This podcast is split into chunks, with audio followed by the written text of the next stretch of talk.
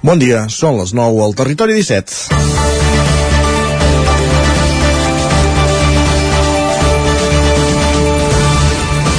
Experts com la mestra i pedagoga Anna Ramis, a qui divendres entrevistaven al Nou TV, fa temps que alerten de la necessitat d'abordar de l'ús i l'abús de les pantalles en la primera infància. Ho expressa de forma contundent. Passar massa temps davant d'una pantalla abans dels 3 anys és tot allò que superi el minut. A partir d'aquesta edat, els mitjans digitals s'han anat introduint de forma gradual i sempre sota la supervisió d'un adult. No cal anar gaire lluny dels nostres entorns personals per trobar exemples de pares que utilitzen les pantalles per acabar amb una rabieta, per fer que el nen mengi o simplement tenir-lo una estona distret. El problema sovint arrenca de l'exemple dels adults, perquè tampoc sabem posar distància a aquest aparell omnipresent, el telèfon intel·ligent, que tenim al costat mentre som a taula o durant estones que serien per compartir amb els fills. Més complicat sembla gestionar-ho a l'adolescència, tenint en compte que el digital no és un mitjà més, sinó que és actualment l'instrument de socialització més important entre els joves. Avui en dia ens comuniquem, relacionem, treballem, informem, divertim i aprenem digitalment. És sens dubte la gran revolució del segle que vivim. Els avenços tecnològics els hem vinculat sempre amb el progrés, i és així, però això no vol dir que no hi hagi riscos associats. El primer, en primer lloc, cal posar els límits i en el cas dels infants és responsabilitat exclusiva dels pares. Amb els adolescents aquesta responsabilitat ha de ser compartida. Per això cal donar instruments des de ben petits per diferenciar el que és l'ús i el que és abús dels mitjans digitals. Això ens ha de servir per estar alerta i evitar els riscos que comporten, uns riscos que van associats a la nostra salut, tant física com mental, però també mals usos, saber que penjar a, la nostra, a les nostres xarxes socials o quines imatges compartir amb terceres persones, siguin conegudes o no, o el joc en línia, que ens poden comportar molts altres problemes igual de greus. Tot això preocupa i molt. És important donar suport a iniciatives com la del Consorci d'Osona de Serveis Socials d'estendre els cursos tallers per prevenir l'addicció a les pantalles que fins ara es feien a secundària. Caldria aconseguir, però, que també n'hi hagués i fossin obligatoris per a les famílies. És dimarts, 25 d'octubre de 2022. Comença el Territori 17 a la sintonia de Ràdio Cardedeu, Ona Codinenca, la veu de Sant Joan, Ràdio Vic, el 9 FM i també a través de Twitch, YouTube i el 9 TV. Territori 17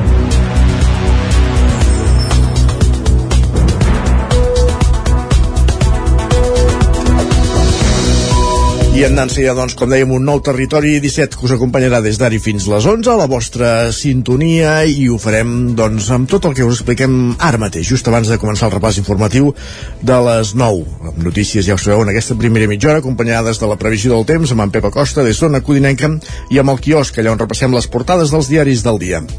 A partir de dos quarts de 10 Recollirem les cròniques dels oferts usuaris de la línia R3 amb l'Isaac Muntades a la Tren d'Alba des de la veu de Sant Joan i ens quedarem a la veu de Sant Joan per conversar amb Jordi Mercè de la cervesa minera que ha rebut una medalla de plata a la Fira de la Cervesa Balear. De tot plegat, com dèiem, a partir de dos quarts de deu, Jordi Mercè de la cervesa minera a l'entrevista avui en companyia de l'Isaac Muntades des de la veu de Sant Joan.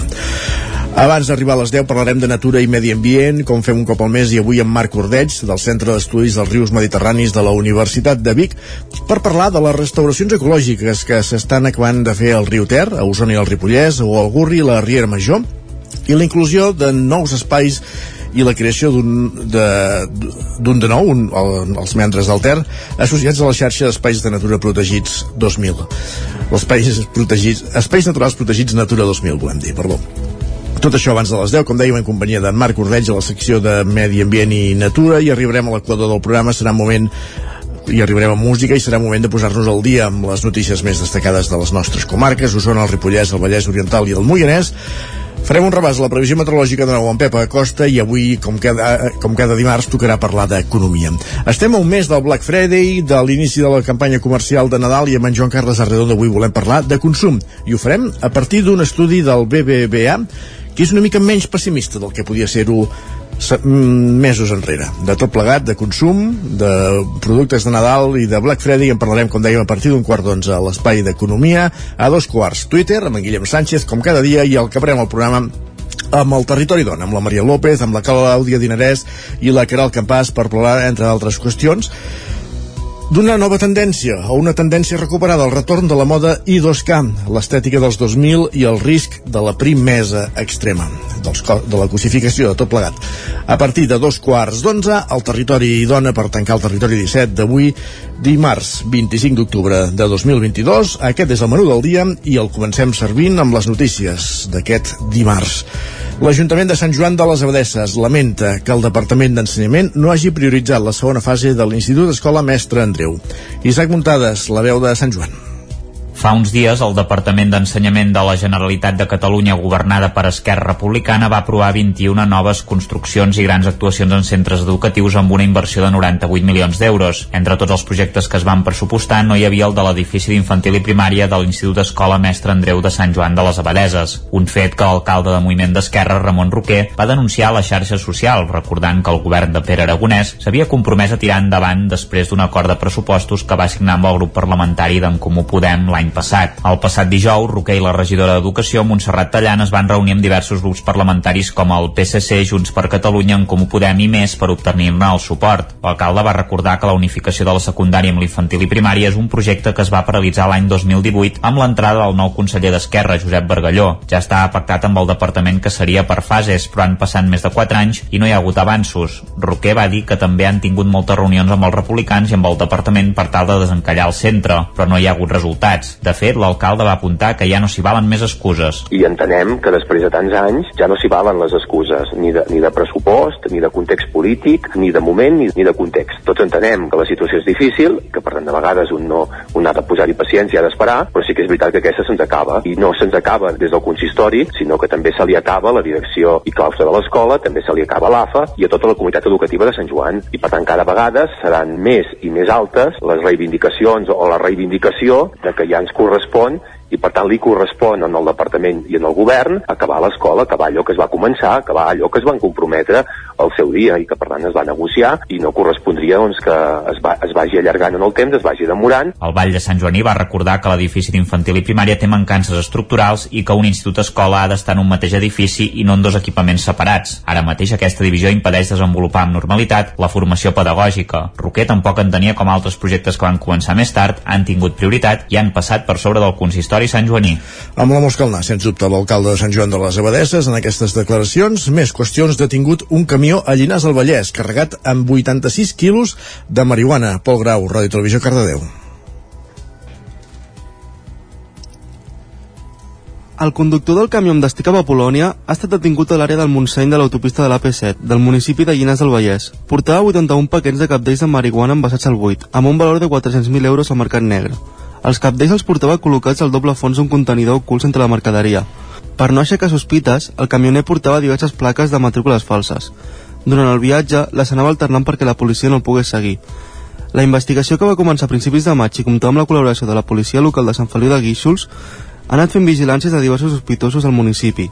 Amb aquestes detencions, la policia estatal dona per desarticulada una organització criminal dedicada a la venda i transport de drogues des del sud de l'estat espanyol. Obrim pàgina política, jornada de retrets i advertències a primera plana política, la que es va viure dissabte a Vic. La sala Joaquim Maideu de l'Atlàntida va acollir el Consell Nacional de Junts per Catalunya, el primer que fa el partit després de sortir del govern. El va presidir el secretari general de Junts, Jordi Turull, que va acusar Esquerra Republicana d'haver-se entregat al govern de Pedro Sánchez. Sergi Vives. La plana major de Junts per Catalunya accedia aquest dissabte a l'Atlàntida de Vic, que va acollir el Consell Nacional, el primer des de la sortida del partit del govern de Pere Aragonès. Hi van prendre part prop de 400 persones, entre els quals hi havia el secretari general del partit, Jordi Turull, i la presidenta de la formació, Laura Borràs. Tampoc hi va faltar l'alcaldessa de Vic, Anna R, que durant la benvinguda va aprofitar per presentar ara ja com a candidat del partit a l'alcaldia de Vic, Albert Castells. També s'hi va referir durant el seu discurs l'únic obert als mitjans de comunicació, Jordi Turull, que es va comprometre a treballar perquè Castells sigui l'alcalde de Vic. També va justificar la sortida del partit de l'executiu, una decisió que, va dir, no ha aconseguit fracturar la formació. Per això aquest Consell Nacional no és una trobada entre el 56% i el 42%. Aquest Consell Nacional és una reunió del 100% per debatre l'orientació del partit després d'aquest exercici de radicalitat democràtica que ens ha portat a deixar el govern de Catalunya. Qui s'han pensat que som? Per qui ens han pres? Què es pensen? que per quatre despatxos i quatre cotxes oficials renunciarem a l'ànima, l'esperit, a la missió de Junts per Catalunya? Es pensen això? Turull també va acusar Esquerra Republicana d'haver-se entregat al govern de l'estat espanyol. Ho deia el mateix dia que els republicans feien pública la seva decisió de no presentar una esmena de totalitat contra els pressupostos de Pedro Sánchez, una determinació que els republicans prenien com amb un objectiu, accelerar la reforma del delicte de sedició per part del govern espanyol. Un canvi de cromos que per Turull ha deixat en evidència el govern de Pere Aragonès. Ens hem trobat amb uns socis de govern desconeguts per intransigents que prioritzava les seves servituds pel seu acord amb Pedro Sánchez, que desconeixem però intuïm que no pas a l'acord d'investidura del 52%, que prefereixen estabilitzar Espanya i el govern d'Espanya encara que sigui a costa de desestabilitzar el govern independentista. La seva resposta al així no podem seguir han estat dues. Doncs així heu de seguir i si us agrada bé i si no us agrada també. Ja fora del govern, el partit es compromet a fer una oposició constructiva i a ser reactius. Abans, però, s'han de produir tres escenaris alhora. Primer, si tenim confiança amb nosaltres mateixos. En segon lloc, ens en podem sortir si anem tots a la una. I en tercer lloc, si tothom es mou per ser més útil que important. Turull també va agrair la feina feta als consellers del partit cessat i davant de les veus que vaticinen un mal futur pel partit, el secretari general va mostrar-se optimista, sobretot amb les municipals del 2023. Doncs veurem com, veurem com avança aquesta unitat dins de Junts, després de la reunió de l'executiu d'aquest matí per tractar el cas del Masas, del qual parlàvem ahir. Més qüestions. Caldes de Montbui ha posat en marxa una nova edició de la campanya d'identificació genètica dels excrements de gossos als carrers del poble. Caral Campàs, zona codinenca.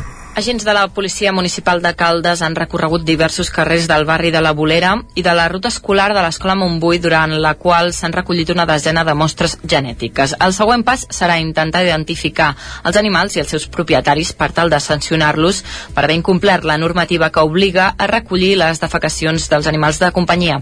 Jaume Mauri és regidor d'Espais Públics i Mobilitat. Sobre el tema de la recollida de mostres genètiques de femtes a la via pública, l'any 2020 se'n van fer 38 mostres l'any 2021 70 mostres més. Per la tardor de l'any 2022 tenim quatre campanyes programades a les quals eh, eh, també n'agafarem un nombre indeterminat més de mostres, sobretot en zones sensibles de passejos, on hi ha jocs infantils, parcs públics, etc. Des del 2020 s'han enviat al laboratori més d'un centenar de mostres recollides als carrers i espais públics del municipi. Aquestes mostres han permès identificar 36 infractors de l'ordenança municipal i l'Ajuntament ha iniciat per cada cas el corresponent expedient sancionador. Mauri explica també altres usos que tenen aquestes campanyes. Destaquem també que part eh, d'aquesta campanya és que abans de fer la campanya de recollida de mostres genètiques amb la col·laboració de tots els eh, veterinaris al municipi hi havia 1.414 gossos censats, dels quals 59 eren potencialment perillosos. L'1 de gener del 2022 en tenim 2.849, dels quals 157 són potencialment perillosos. Vull dir, gràcies a aquesta campanya i la col·laboració dels veterinaris del municipi hem tret de l'ombra doncs quasi bé 1.400 gossos que no estaven ni censats, ni xipats, ni tenien una prova genètica. En aquests moments, el registre de dades genètiques de Caldes de Montbui hi ha les dades de 1.993 animals. Gràcies, Caral. Viladrau s'omple de visitants aquest cap de setmana en la 20, 27a edició de la Fira de la Castanya, un esdeveniment que tornava al format habitual després dels anys adaptats a la pandèmia. La collita de castanyes d'aquest any és bona, però productors i Ajuntament treballen per frenar els robatoris de castanya, Sergi. Una escultura de fusta en forma d'arc feia de porta d'entrada a la 27a Fira de la Castanya de Viladrau que després d'una edició adaptada en un altre espai l'any passat i la suspensió del 2020 per la pandèmia tornava al format habitual al centre del poble.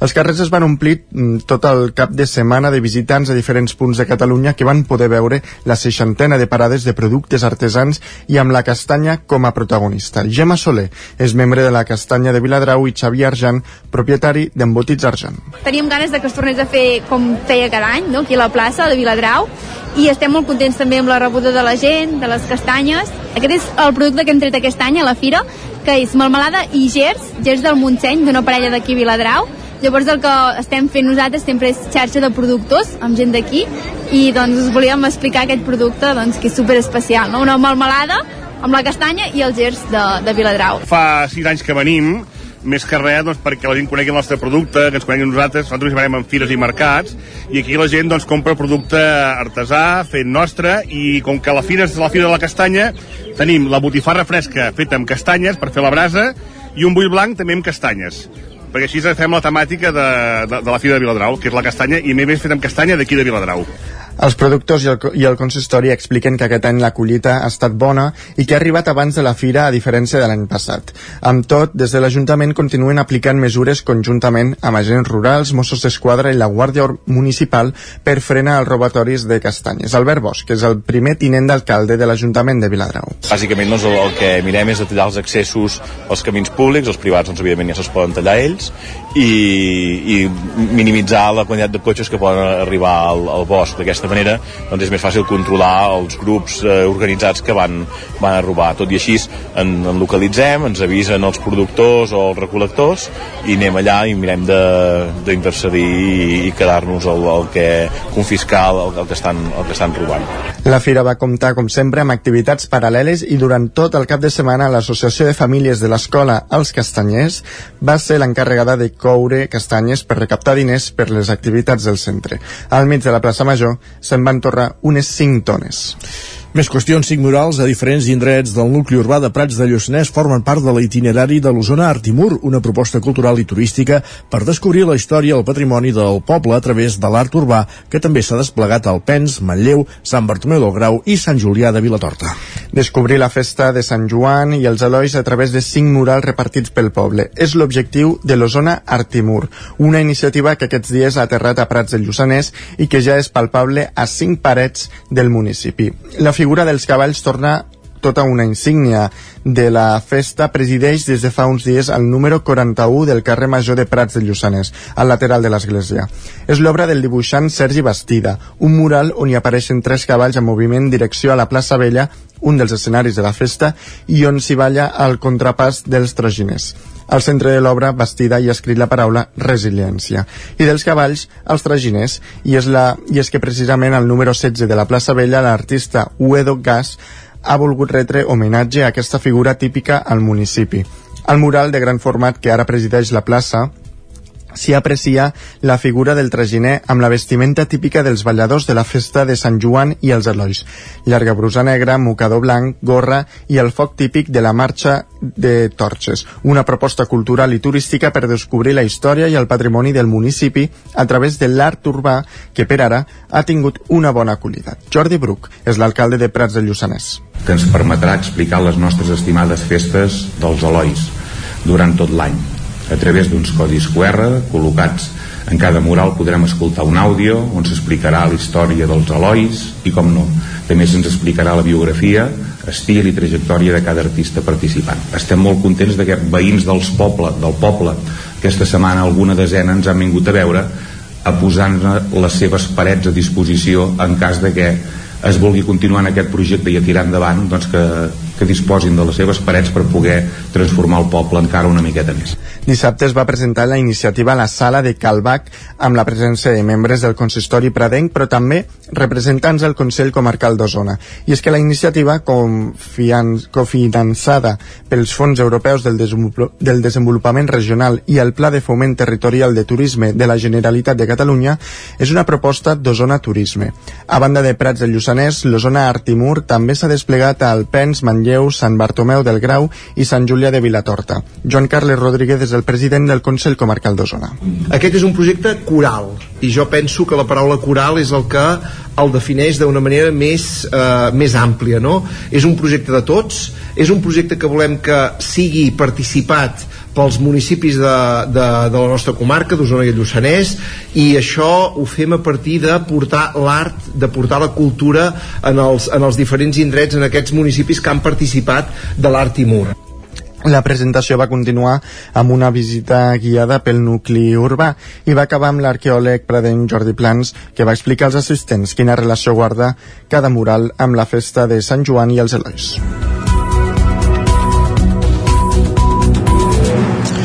Gràcies, Sergi. Acabem aquí aquest repàs informatiu que començàvem al punt de les 9 en companyia de Sergi Vives, Isaac Muntades, que era el Campàs i Pol Grau. Moment al territori 17 de saludar amb Eva Costa i conèixer la previsió del temps. Anem fins a una codirenca.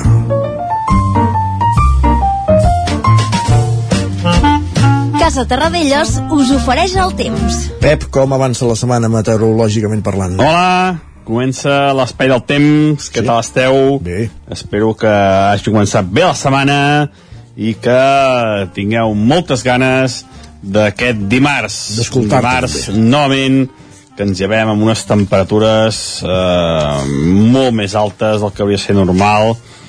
Estem parlant de que la, les nits eh, són entre um, entre 3 i 4 graus poder amb unes temperatures més altes de que hauria de ser normal i els dies ens acostem als 7 i als 8 graus més altes del que hauria de ser normal.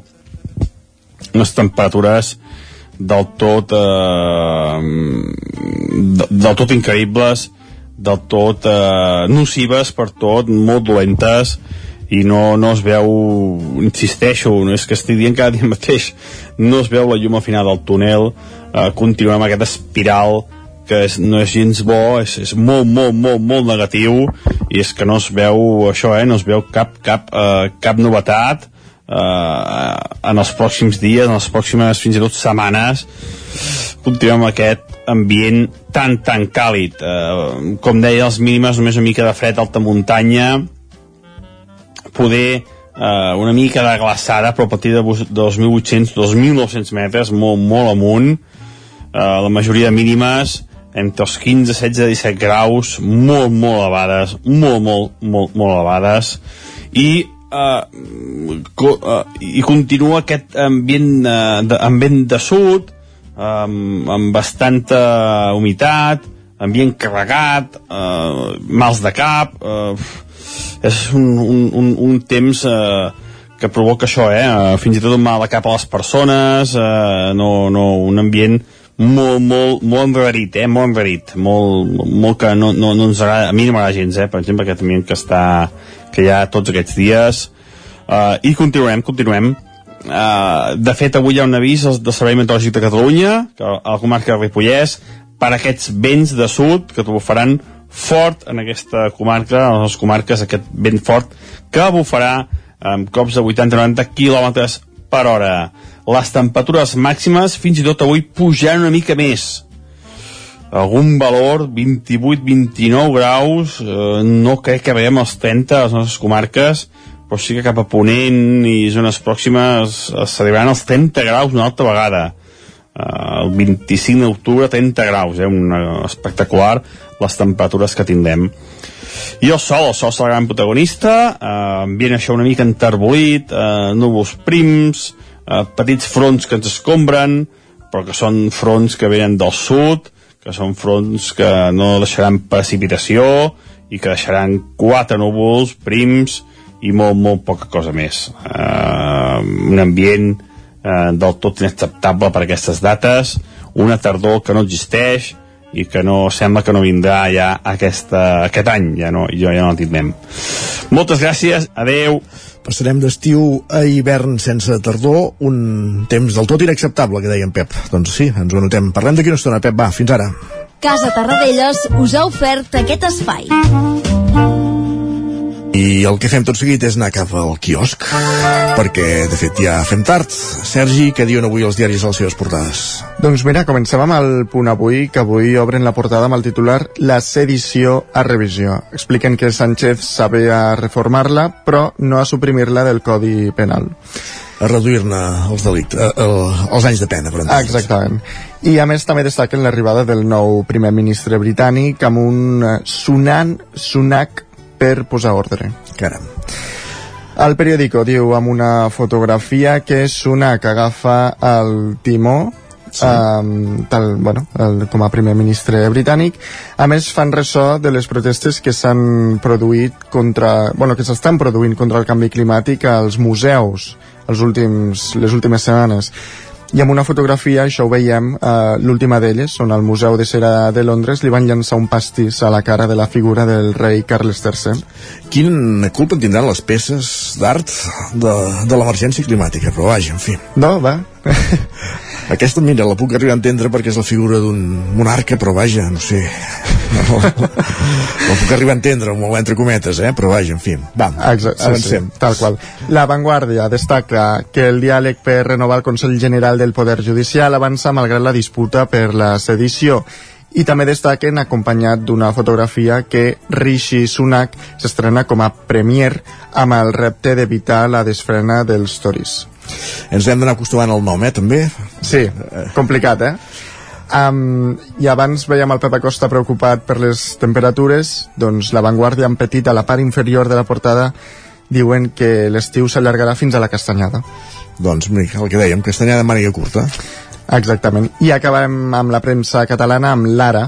Destaquen que la Moncloa admet que ja negocien la sedició amb Esquerra i també destaquen amb una fotografia que Rishi Sunak eh, eh, que diuen que és el milionari hindú que ja és el premier A mi em feia molta gràcia a la tele, gràcia. El descrivíem com el primer primer ministre no blanc, però vaja. Ostres.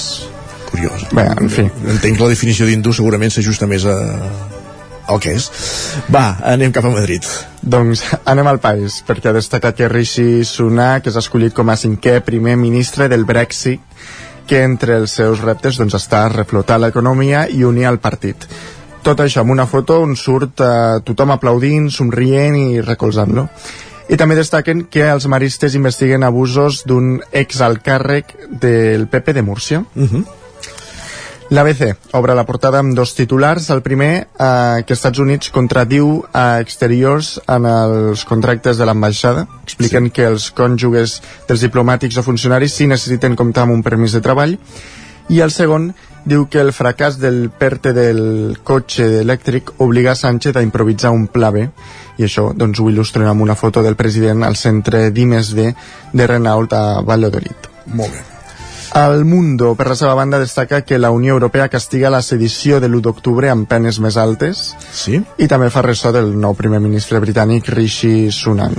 El protagonista de la majoria de portades d'avui al quiosc i arribem al punt de fer una pausa. Tornem d'aquí 3 minuts. Fins ara. El nou FM, la ràdio de casa, al 92.8. Amb Pradell estalvio energia i cuido la meva butxaca i el medi ambient. Posa't en mans a Pradell, són experts en calderes de gas i condensació, estufes de pèl·let, energia solar, terres radiants i geotèrmia. Pradell instal·la calderes de biomassa per a particulars i per a empreses. Si vols estalviar un 50% en consum, contacta amb Pradell i passa't a les energies renovables. Pradell, som a l'Avinguda Països Catalans 27 de Vic. Telèfon 93 885 1197. Pradell.cat. Ja tens la teva disfressa de Halloween? A Manli tenim les més terrorífiques. Vine a buscar caretes i tots els complements que et calguin per passar una nit de por. Ens trobareu al carrer de Ramon Soler número 1 de Vic i també a manli.cat. A Manli fem de la festa una bogeria. Has d'organitzar un esdeveniment? A l'Ineixat lloguem les cadires, taules, plats, coberts, rams de flors i tota la decoració necessària per preparar qualsevol esdeveniment. Vine a buscar material per a festes, casaments, celebracions culturals, espectacles, concerts o reunions d'empresa i de família. Ens pots venir a veure al passeig de la Generalitat número 52 Baixos de Vic, buscar-nos a les xarxes o trucar-nos al telèfon 670 38 96 25. Ah, i també ens trobaràs a Girona. A l'Ineixa tenim tot el que pots necessitar per fer-te la vida més fàcil. Cobertes serveis funeraris. Els nostres tanatoris estan ubicats en els nuclis urbans més poblats de la comarca d'Osona per oferir un millor servei. Tanatori de Vic, Tanatori de Manlleu, Tanatori de Centelles i Tanatori de Roda de Ter. Sabem que són moments difícils i per això el nostre compromís és atendre-us en tot moment amb un tracte humà, sensible i respectuós. Cobertes serveis funeraris. Telèfon 24 hores 93 883 23 46.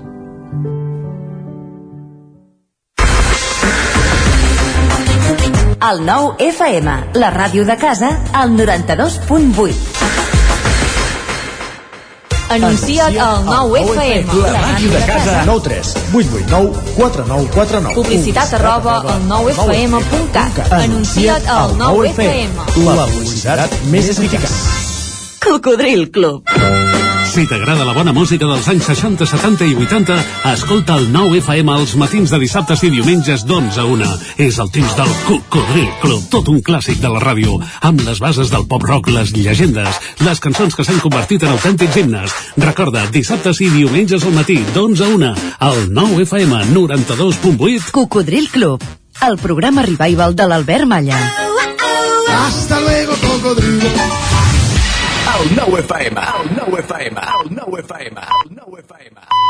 Territori 17.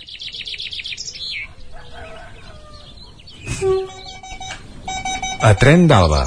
Cada dia els usuaris i usuàries de la línia R3 de Rodalies que veuen sortir el sol des d'un vagó ens expliquen les gràcies i les penes del primer comboi que uneix Ripoll i Barcelona o les feixugues jornades amb el tren després de treballar.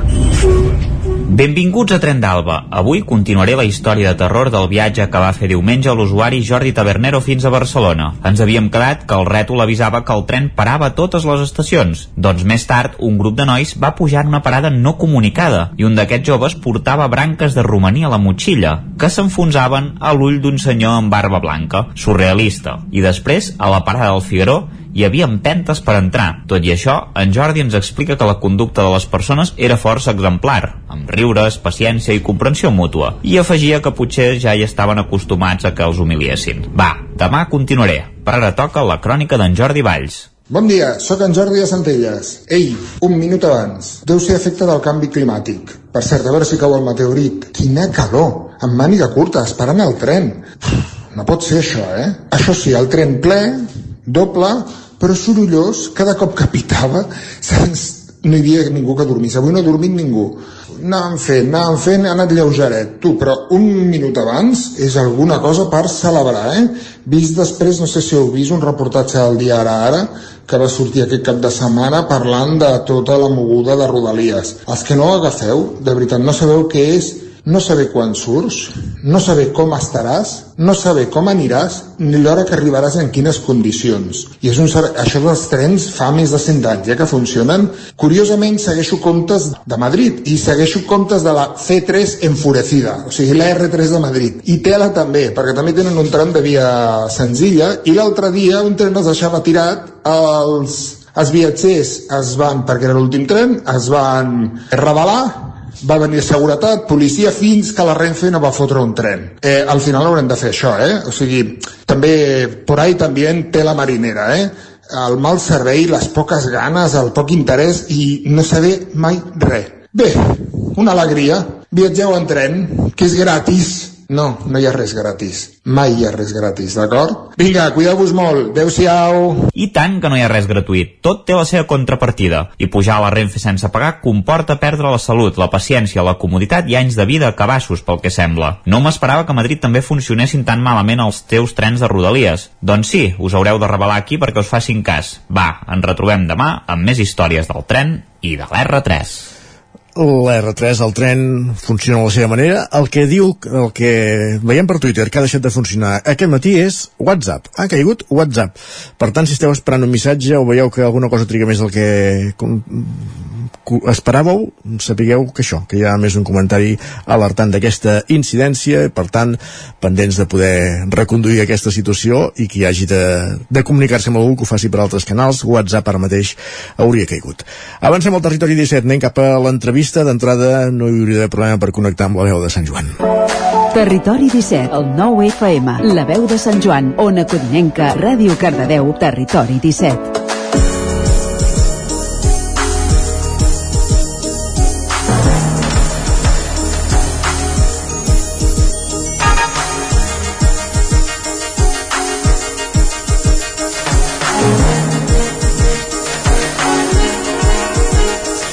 A principis d'octubre, coincidint amb la Fira de la Cervesa Balears, celebrada a Can Picafort, a l'abadia del Cúdia, es van entregar els premis al concurs internacional de cervesa i en aquell concurs la minera Primavera va ser guardonada amb la medalla de plata de la categoria Belgian Strong Ale. Isaac Muntades, la veu de Sant Joan, bon dia. Bon dia, Isaac. Doncs sí, i avui a l'estudi de la veu de Sant Joan contem amb un dels creadors de la cervesa minera, en Jordi Mercè, que ens explicarà les claus d'aquesta segona posició i també dels projectes que estan impulsant eh, en els últims temps. Bon dia, Jordi, i moltes gràcies per ser avui aquí amb, amb nosaltres. Molt bon dia, Isaac, i companyia. Uh, per començar, Jordi, quina importància té aquest premi? No sé si es podria comparar ara que està molt de moda aquests últims dies també amb la pilota d'or, amb, amb els Oscars en el, en el cinema, no sé com, com ho compararies extrapolat al món de la cervesa. Uh, uh, els premis sempre són importants, sempre és un reconeixement perquè fas les coses ben fetes, encara que sempre n'hi ha algun d'aquells que diu no, és que a mi els premis no em patinen una mica però bueno, deixem-nos de punyetes. A tothom li agrada que el felicitin per les seves coses ben fetes. Aquí en aquest cas el CICA doncs bueno, el CICA jo diria que no seria poder el top one de premis de craft beer, que és més o menys el que ens movem nosaltres, eh, potser si n'haguéssim de dir un d'una mica, mica més important a nivell eh, a nivell d'aquests que ens movem els artesans, potser seria el Barcelona Beer Challenge que està dintre del Barcelona Beer Festival però bueno, està bé, és un concurs que ja fa, porta bastantes edicions, crec, no sé si era la setena aquest any que es feia, eh, porta bastantes edicions premiant la feina que fem els cervesers, i bueno, no, no, no està gens malament treure un segon premi aquí. Uh, fent el símil amb, el, amb el món formatger Jordi, els formatgers quan van a concursos uh, van folls per entendre'ns per obtenir premis i obtenir medalles per poder posar el formatge. Una mica és el símil també amb la, amb la cervesa Uh, bueno, no, no et puc dir que no, perquè mira, aquí davant he portat algunes cerveses i n'hi ha alguna, per exemple, que ja porta aquí un requadret que porta uh, uh, el premi del Girona Excel·lent. N'hi ha un altre que ja té un BBC, un Barcelona Beer Challenge, ara aquesta que, que té. Uh, sí, la veritat és que bueno, això és una cosa que no sé si recordeu mira, ara estava rumiant una cosa uh, les ampolles de Vichy, crec que és Vichy, que hi ha sí, aquelles sí, sí. medalletes Correcte. petites a la part de baix, sí, sí, sí. de París 1906 o coses d'aquestes, bueno, és una cosa molt antiga això que es porta. Al final és una qüestió de fer marca i dir, mira, amb la meva marca guanyo premis perquè ho faig tan bé i, i, i donar-ho a conèixer als meus clients potencials.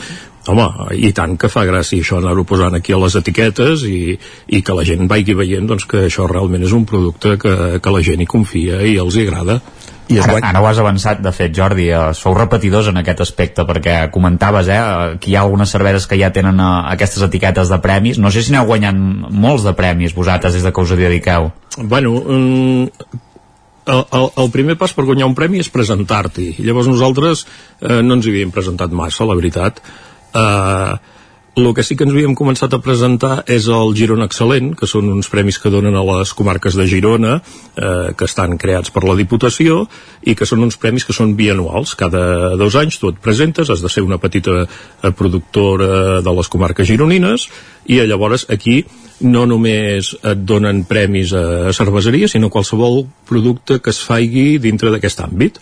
Eh, hi han, doncs, molt malades embotits, eh, bueno, tot, tot el que et puguis arribar a imaginar, olis, aigües, arrossos, tot, tot aquest tipus.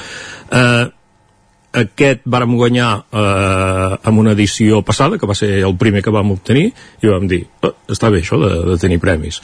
Eh, és un dels premis que a mi m'agrada més, mm, potser perquè són els que et toquen més de proximitat i acabes treballant durant dos anys, amb ells t'ofereixen oportunitats doncs, de participar en fires, en llocs d'aquests t'obren la porta, eh, eh, al final el premi aquest és que si tu tens ganes de treballar doncs et donen facilitats per poder treballar darrere de tot això i això està molt bé. Uh, actualment ha passat aquesta vigència dels dos anys en què vam guanyar el primer premi amb la minera de Bet eh, ens hi vam tornar a presentar la minera de Bet no va estar galardonada també cal dir que la que vam presentar no estava en les millors de les condicions perquè bueno, ha, ha de ser un producte bo i a més ha de ser un lot que sigui suficientment bo per guanyar els altres no?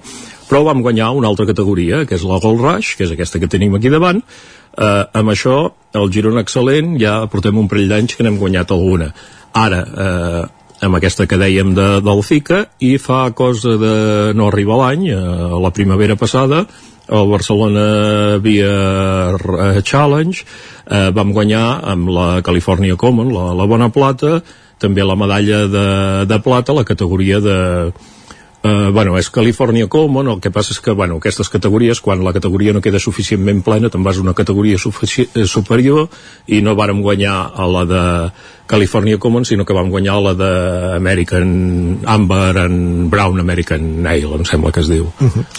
Pos, tornem un moment al concurs de, de Mallorca, posa'ns la dimensió d'aquest concurs, quantes cerveses s'hi presentaven, quina era la mecànica i no sé si heu participat a, en les altres edicions que s'havien fet fins ara.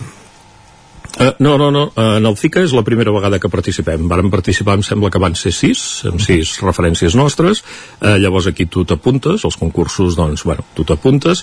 Allà hi ha una colla de jurats que tenen uns paràmetres i sota aquests paràmetres ells van puntuant totes les cerveses de manera totalment anònima, que no saben el que, el que fan.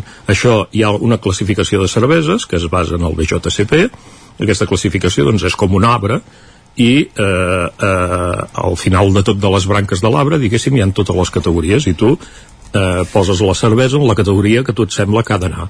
Per exemple, la que vàrem guanyar nosaltres és amb la categoria de Saison, que és un, un estil bastant conegut de cervesa belga. A partir d'aquí, què passa? Que si mm, en aquest cas no t'ho sabria dir, en el BBF hi han d'haver 20 cerveses de la mateixa categoria perquè s'obri categoria. Si no hi han 20 cerveses, se sobreentén que, bueno, diguéssim que no tens rivals i no pots arribar a competir amb la categoria de saison i passes a la categoria superior, a la, a la branca superior de l'arbre, diguéssim. I això és el que ens va passar a nosaltres, que Saison n'hi devien haver relativament poques, van passar a la categoria superior i és la categoria de Belgian Strong Ale. I aquí, doncs, t'acabes enfrontant doncs, eh, una saison amb, eh, ara no recordo jo eh, què més hi ha en aquesta categoria, crec que hi ha la Belgian Strong Ale i altres cerveses així, doncs t'acabes enfrontant amb cerveses que no són ben bé, ben bé, ben bé iguals a la teva. Uh -huh. I a partir d'aquí es, es determina el guanyador. Eh, crec recordar que aquest any eren, eh, ho he estat mirant ara aquest matí, crec recordar que eren de l'ordre de 350-360 cerveses que es van presentar en aquest concurs. De prop de no arribava a 100 cerveseres però faltava molt poc, 90 i molt llargs.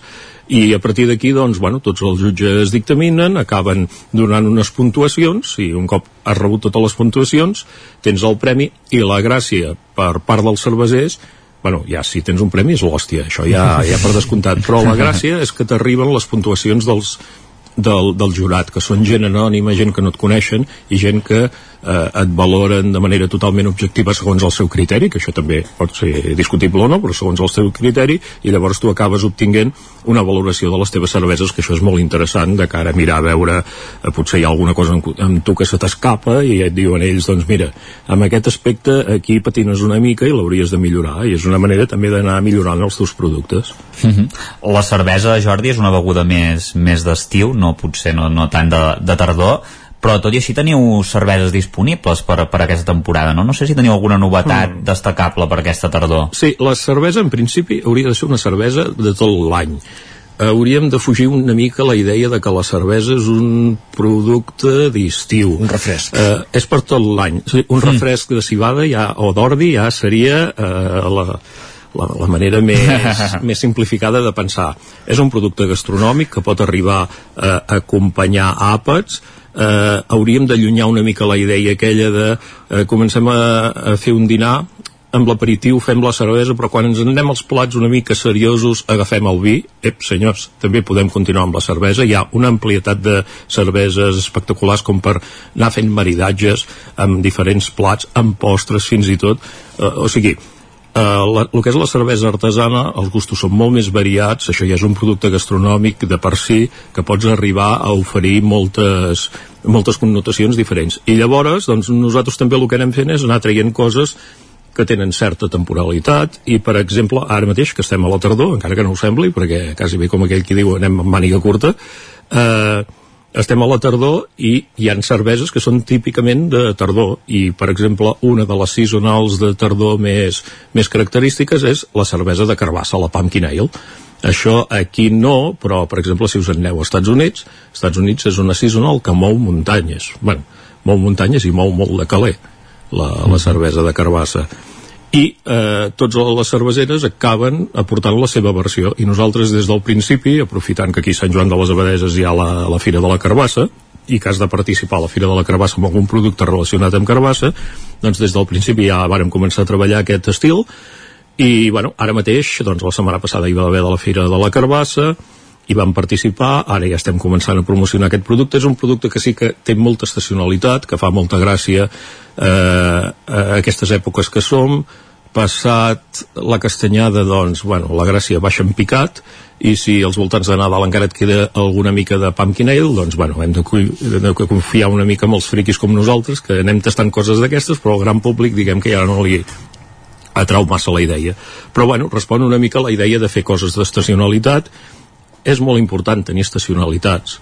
O sigui, jo ara menjar cireres a mi no, no em diu res i menjar cireres quan toca és l'hòstia, doncs jo crec que és molt important que eh, comencem també a recuperar una mica les estacionalitats. M'està molt bé que ara vinguin cireres, jo que sé, de, de on deuen venir ara, de Xile, no? Eh, mm -hmm. Pot ser. Però jo crec que és important que, que tornem una mica a les idees de que hi ha estacionalitats i que les hem de respectar.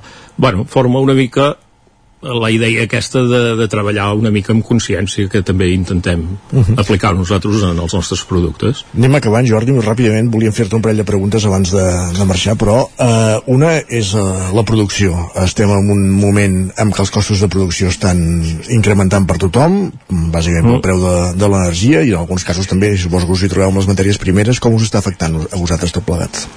Bueno, això és un, un petit fracàs que com que, que afecta a tothom, vull dir, ja no val la pena, em sembla, plorar més fort que l'altre, perquè tothom està igual de fotut. Uh, L'energia no cal que diguem res, uh, tothom sap que fins i tot a casa la, l'electricitat està pujant a preus, a preus desorbitats. Uh, matèries primeres, nosaltres la matèria primera poder que ens penalitza més és el vidre. Les ampolles de vidre s'estan encarint, eh, amb la idea de que com que, que venen de cristalleries que estan al mig d'Europa, al mig d'Europa per fer funcionar aquestes cristalleries hi ha molt de gas i el gas allà doncs els hi estan començant a tancar una mica les aixetes. Eh, bueno, s'estan carint molt.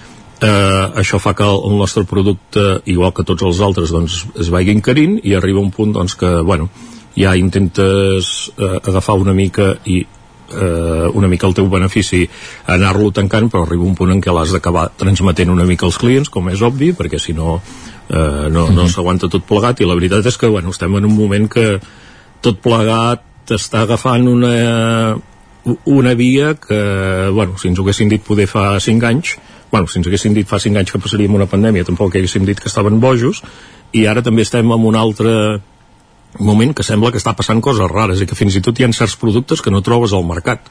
A vegades hi ha escassetat de certs productes i dius, perdó, encara estem així? Eh, no ho sé, de moment mm, estem a, això, en un món que fa una mica de por, s'encareixen això, sembla ser que eh, certs productes han arribat una mica al topall, el vidre de moment no hi ha topall, perquè la setmana passada, quin, fa 15 dies, vaig fer una entrada de vidre i encara hi ha hagut una altra puja intermitja, no ho sé, ja veurem a veure com passa, però sí, la veritat és que estem patint a nivell de sobretot això, això que em comentaves, a nivell de matèria primera i, i energia, energia i ara tampoc no cal ni dir-ho mm -hmm. Molt ràpidament, Jordi, fa poc vara obrir una, una tap room aquí a Sant mm. Joan de les Abadeses, en què consisteix aquest espai? Ja heu fet activitats, eh, fins ara, sí, també? Uh, bueno, és una mica la idea de difondre els nostres productes a nivell local. La idea de la nostra cervesa és que això ha de, ha de funcionar a nivell local. Uh, ens faltava una mica el lloc per presentar les nostres cerveses al gran públic i, bueno, vàrem obrir això, un, un tap room, el tap room... Uh, si és tra eh, traduït literalment taproom és quarto de les aixetes més o menys. Eh, bueno, eh, a nivell d'idea és el lloc on els, el productor d'una marca de cervesa publicita els seus productes. Mm, aquí en el nostre cas doncs, bueno, és un lloc que és una mica més gran que potser els taprooms que potser la gent es, eh, té una mica al cap i acaba sent també un lloc en què fem menú diari eh, en què pots gaudir de, de cervesa acompanyada doncs, de tapes, d'hamburgueses, de coses d'aquestes. Hi ha una oferta culinària paral·lela bastant divertida, amb tot un equip que hi treballa allà dalt. Eh, estem intentant difondre una mica el que és la, la cultura cervesera, perquè al final la nostra idea bueno, la nostra idea és vendre cerveses perquè les cerveses paguen factures a final de mes, però la factura de cor la paga la, la cultura cervesera que va es difonent. Això és el que al final el que vols fer. El que passa és que bueno, això no paga sabates de la mainada ni molt menys. Eh, i què fem? Doncs intentem, de moment hem obert fa poc, hem estat tot l'estiu, l'estiu ha anat molt bé, ara ha baixat una mica la feina, òbviament, amb la parada una mica de, del sector turístic i tal, i eh, ja comencem també a fer altres coses i l'altre dia doncs en vàrem fer una així també a nivell una mica més cultural mm, que ens vam veure una mica desbordats la resposta va ser enorme i va, ser, va estar molt bé que va ser la presentació de, del llibre d'en Jordi Borràs de Tots els colors del negre i bueno, va venir ell i ens va explicar quatre coses i bueno, la veritat és que en Jordi quan comença a explicar les coses només pots quedar-te que embadalit mirant a veure el que t'explica i pensant que déu nhi que mm, déu nhi no ho faríem tots i la veritat és que va estar molt bé i continuarem així mm -hmm, molt bé doncs continuem així i que vagin acumulant premis aquestes cerveses de, de la minera de Sant Joan de les Abadeses n'hem parlat amb en Jordi Mercè moltíssimes gràcies per ser avui al Territori 17 moltes gràcies a vosaltres. Bon dia. I gràcies també, Isaac. Parlem més tard. Fins ara. Fins ara, adeu. Avancem al territori 17 i tot seguit el que fem és parlar de natura i medi ambient.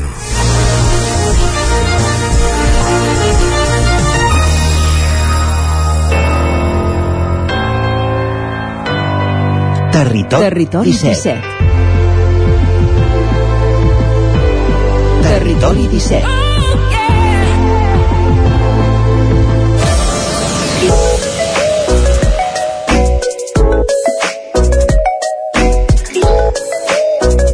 Natura i Medi Ambient com fem cada setmana, com un cop al mes amb el Centre d'Estudis dels Rius Mediterranis volem dir, en companyia d'en Marc Cordeix. Marc, bon dia. Primer de tot, desmuteja't el micro, que em sembla que no et sentirem, si no.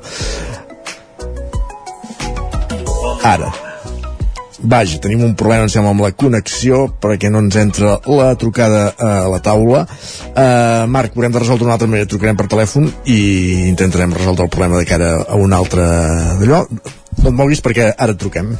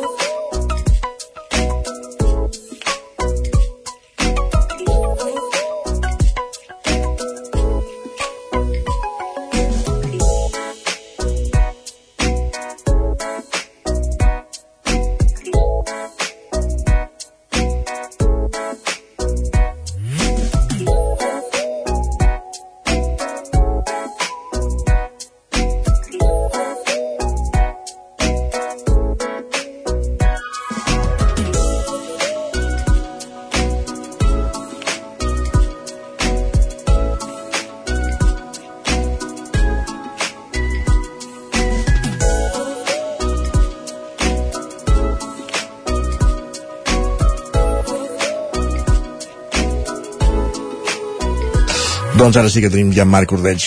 Podem comunicar-nos amb el Marc Ordeig i sentir-nos tots. Hola Marc, benvingut, bon dia. Bon dia.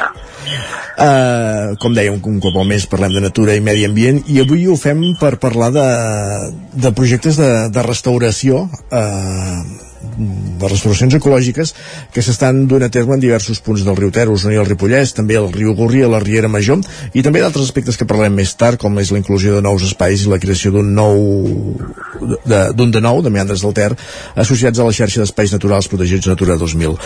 Com anem a PAMS, parlem d'aquestes restauracions ecològiques que s'estan fent al riu, en què consisteixen? Mira, nosaltres des de, des de fa molts anys, quan de fet es va engegar al Centre d'Estudis dels Rius, vam intentar que, a part d'estudiar, doncs també poguéssim fer actuacions que, que fossin modèliques, no només donar lliçons, sinó també implicar-nos i fer coses que poguessin ser exemples pilot, que, que, que demostressin que es podia gestionar el riu d'una altra manera, no? I, i, i una de les, un dels resultats d'això és, per exemple, aquest projecte europeu que estem acabant ara, que es diu projecte Life Alnos, eh, que, que és un projecte que ens permet eh, fer algunes restauracions de rius, de vegetació de ribera, etc, que el riu tingui una forma més natural i que hi hagi eh, més eh, també cabals ambientals en alguns trams, etc, que al final el riu estigui millor, hi hagi més, més biodiversitat a diferents parts de Catalunya, sobretot a Osona, però també al Ripollès, al Vallès i a la Cerdanya. Mm -hmm. I en quina fase estan? Perquè ara això, s'estan acabant de, de fer en, en quins punts s'està actuant i, i en quina fase està i, i què, es, què es pretén amb cada actuació?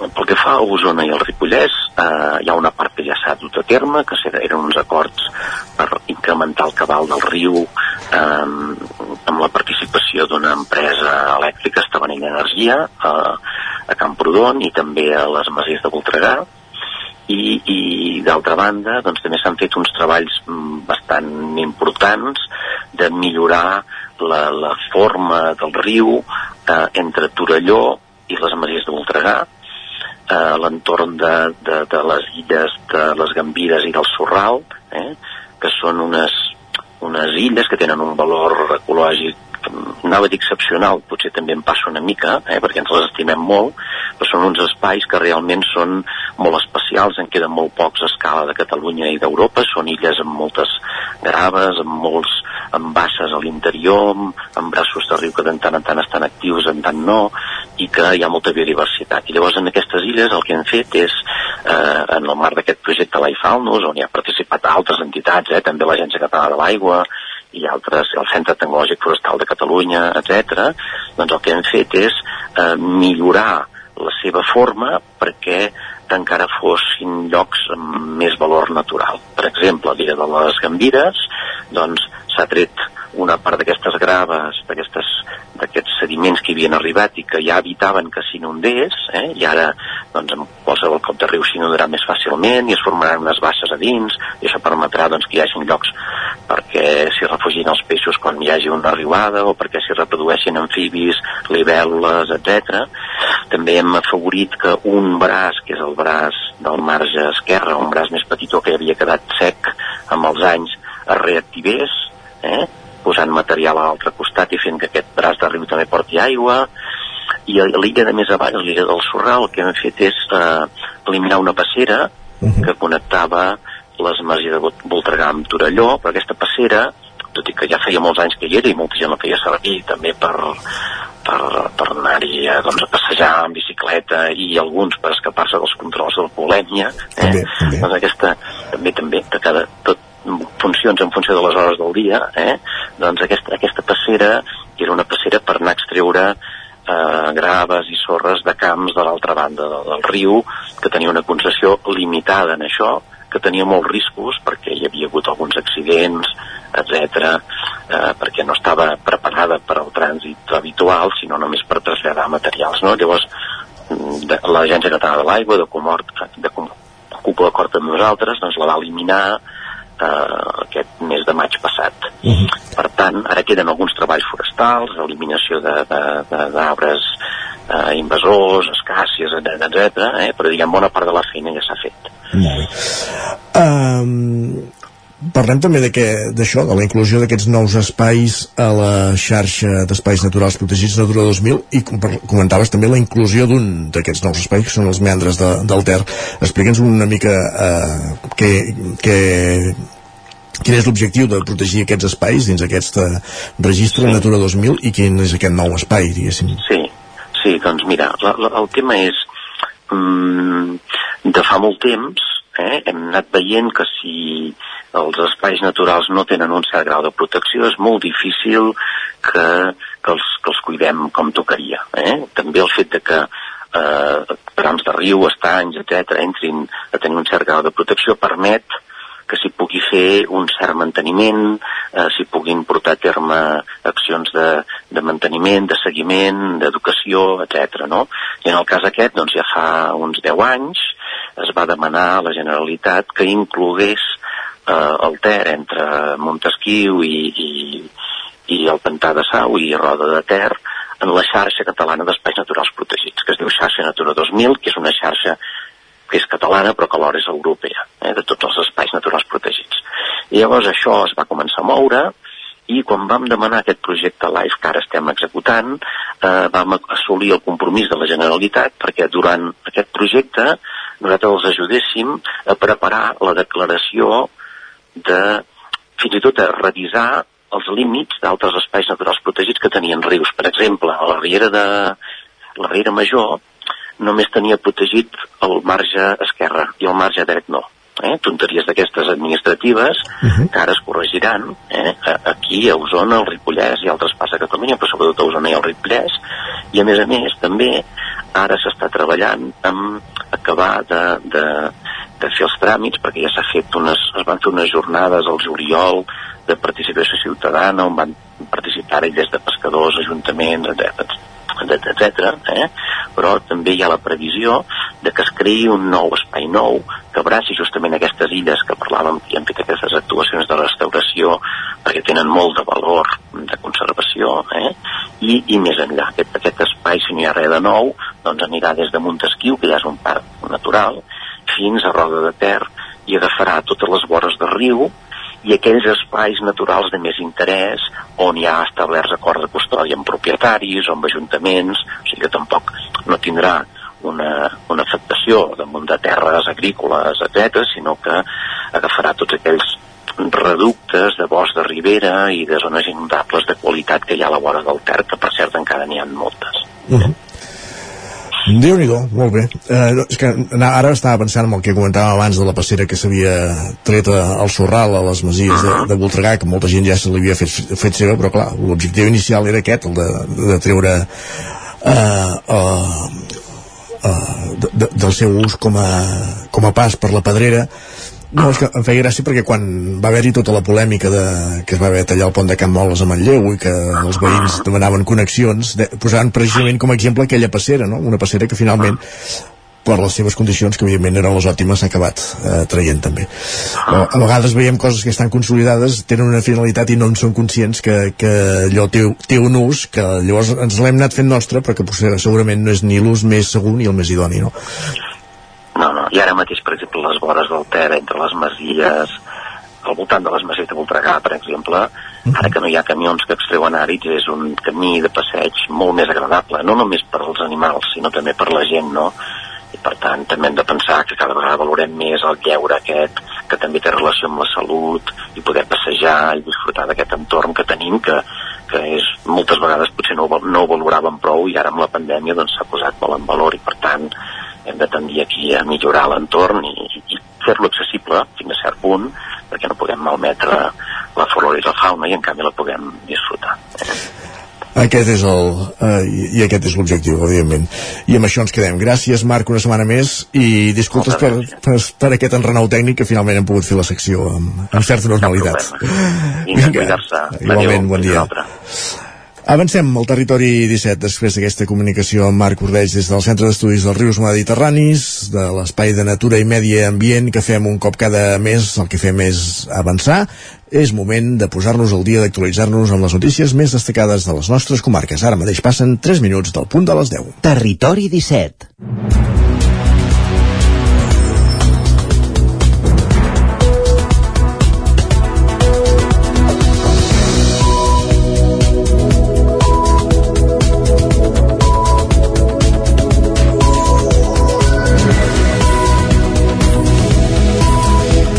Moment d'actualitzar-nos, de posar-nos al dia amb les notícies més destacades de les comarques d'Osona, el Moianès, el Vallès Oriental i el Ripollès, les comarques del territori 17, en connexió amb les diferents emissores que dia a dia fem possible aquest programa, la veu de Sant Joan, Ona Codinenca, Ràdio Cardedeu, Ràdio Vic, el 9 FM, ens podeu veure a través de Twitch, el 9 TV i de YouTube també, i us expliquem ara, precisament, continuem amb la línia del que parlàvem amb el Marc Ordeig, que l'Agència Catalana de l'Aigua, l'ACA, actualitzarà durant el 2023 l'estudi de quantitat de sediments que s'acumulen al fons dels pantans que gestionen.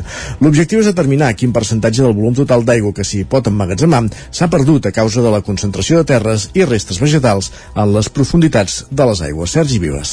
Tal com avançar a Catalunya Ràdio la setmana passada, aquest tipus d'estudi, conegut com a batimetria, es va fer per primer i últim cop l'any 2001. 20 anys després, fons de l'ACA han confirmat al 9-9 que l'actualització es començarà a fer en els propers mesos. En el cas de Sau, on l'aigua va cobrir totalment la vall a partir del 1965, l'acumulació de sediments no suposaria una gran pèrdua de capacitat d'emmagatzematge.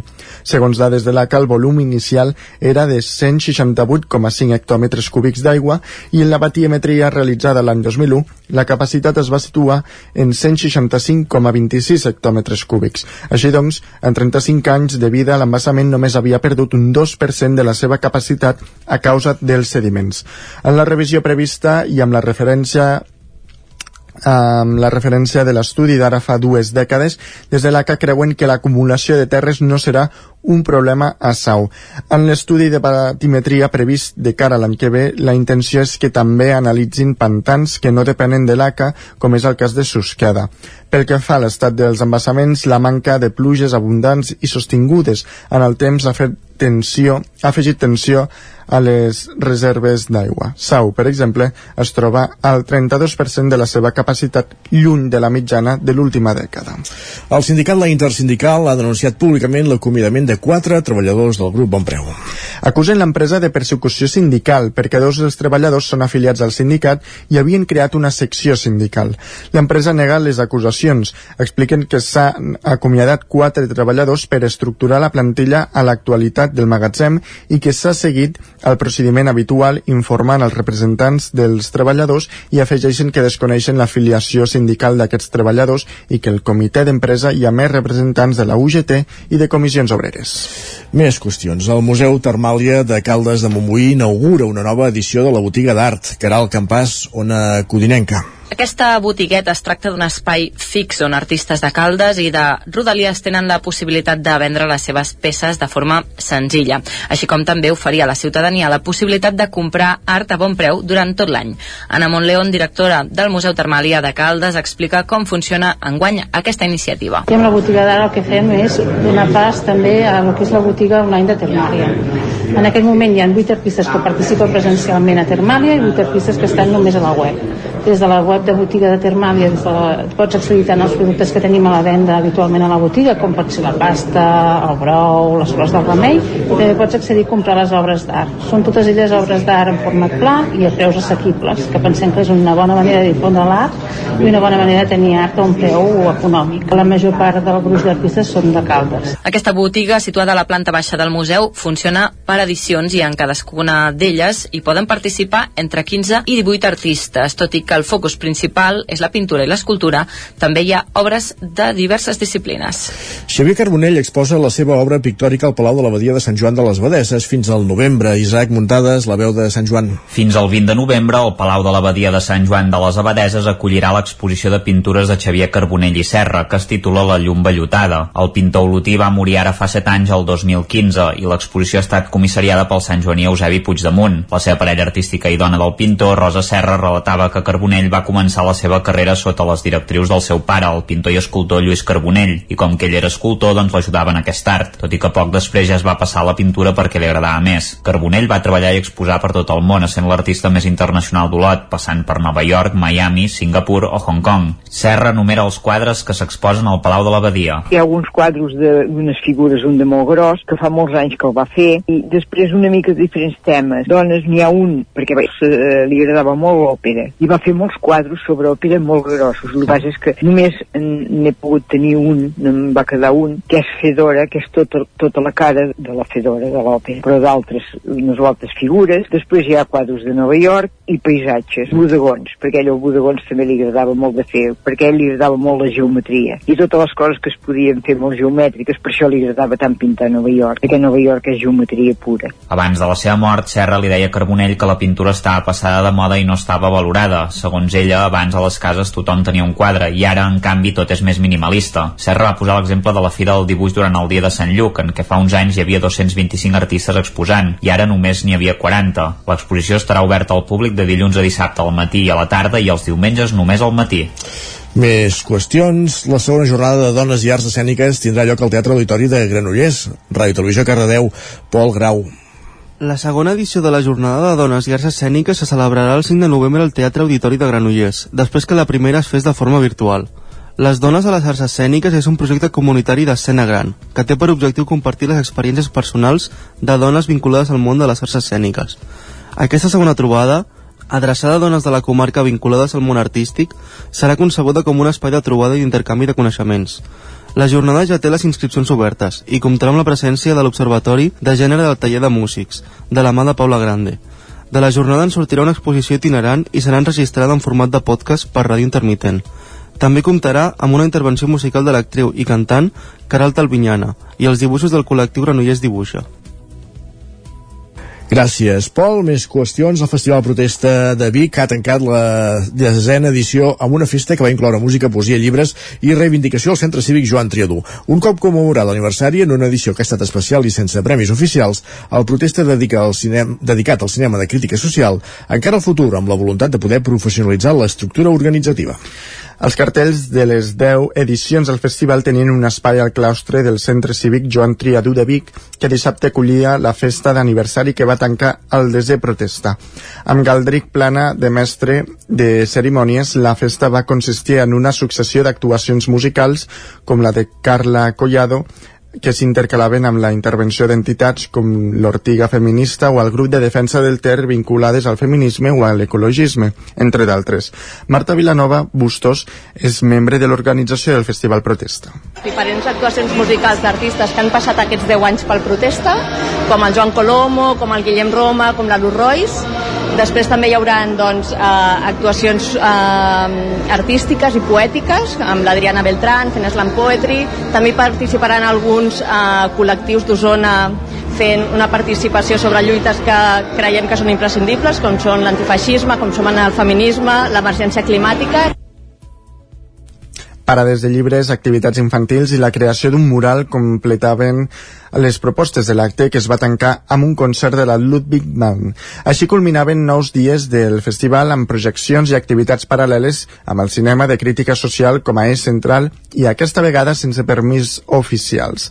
El públic ha respost amb una ocupació de les sessions superior al 80%. Estem molt contentes en com ha anat l'edició. Vam començar divendres passat a l'Atlàntida amb una estrena d'una pel·lícula sobre el dret a l'avortament i sobre una reivindicació molt feminista i va ser tot un èxit, estem molt contentes i tota la setmana hem anat fent activitats, hem fet sessions per, per joves, hem fet maratons de curs i doncs, 17 projeccions en total de, de llargmetratges. En la seva primera dècada, el protesta ha crescut en espectadors i activitats i és previsible que ho facin els propers anys.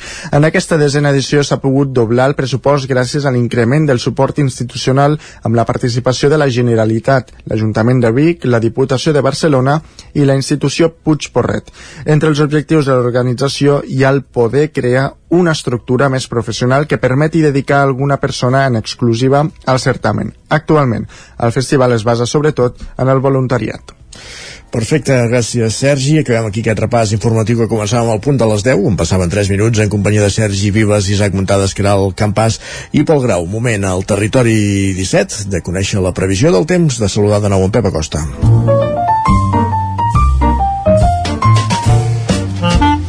Casa Terradellos us ofereix el temps. Pep, bon dia. Hola, comença l'espai del temps, què tal esteu? Espero que hagi començat bé la setmana i que tingueu moltes ganes d'aquest dimarts, un dimarts novament que ens llevem amb unes temperatures eh, molt més altes del que hauria de ser normal. Estem parlant de que la, les nits eh, són entre um, entre 3 i 4 graus poder amb unes temperatures més altes de que hauria de ser normal i els dies ens acostem als 7 i als 8 graus més altes del que hauria de ser normal. Unes temperatures del tot eh, del tot increïbles del tot eh, nocives per tot, molt dolentes i no, no es veu insisteixo, no és que estic dient cada dia mateix no es veu la llum al final del túnel. I continua aquest ambient, eh, de, ambient de sud. De fet avui hi ha un avís del Servei Meteorològic de Catalunya que a la comarca de Ripollès per aquests vents de sud que bufaran fort en aquesta comarca, en les comarques, aquest vent fort que bufarà amb cops de 80-90 km per hora. Les temperatures màximes fins i tot avui pujaran una mica més algun valor 28-29 graus eh, no crec que veiem els 30 a les nostres comarques però sí que cap a Ponent i zones pròximes s'arribaran als 30 graus una altra vegada. Eh, el 25 d'octubre 30 graus eh, una, espectacular les temperatures que tindrem. I el sol, el sol serà el gran protagonista eh, ambient això una mica enterbolit eh, núvols prims eh, petits fronts que ens escombren però que són fronts que venen del sud que són fronts que no deixaran precipitació i que deixaran quatre núvols prims i molt, molt poca cosa més. Uh, un ambient uh, del tot inacceptable per aquestes dates, una tardor que no existeix i que no sembla que no vindrà ja aquesta, aquest any, ja no, jo ja no el tindrem. Moltes gràcies i fins demà. Adeu. Gràcies, Pep. Fins demà. Eh, coneguda la previsió del temps, que és la mateixa que, que els últims dies, malauradament, tal com ens vas explicant cada dia. Avancem, i tot seguit al territori 17 el que fem és parlar d'economia. Casa Tarradellas us ha ofert aquest espai. Territori 17 El 9 FM, la veu de Sant Joan, Ona Codinenca, Ràdio Cardedeu, Territori 17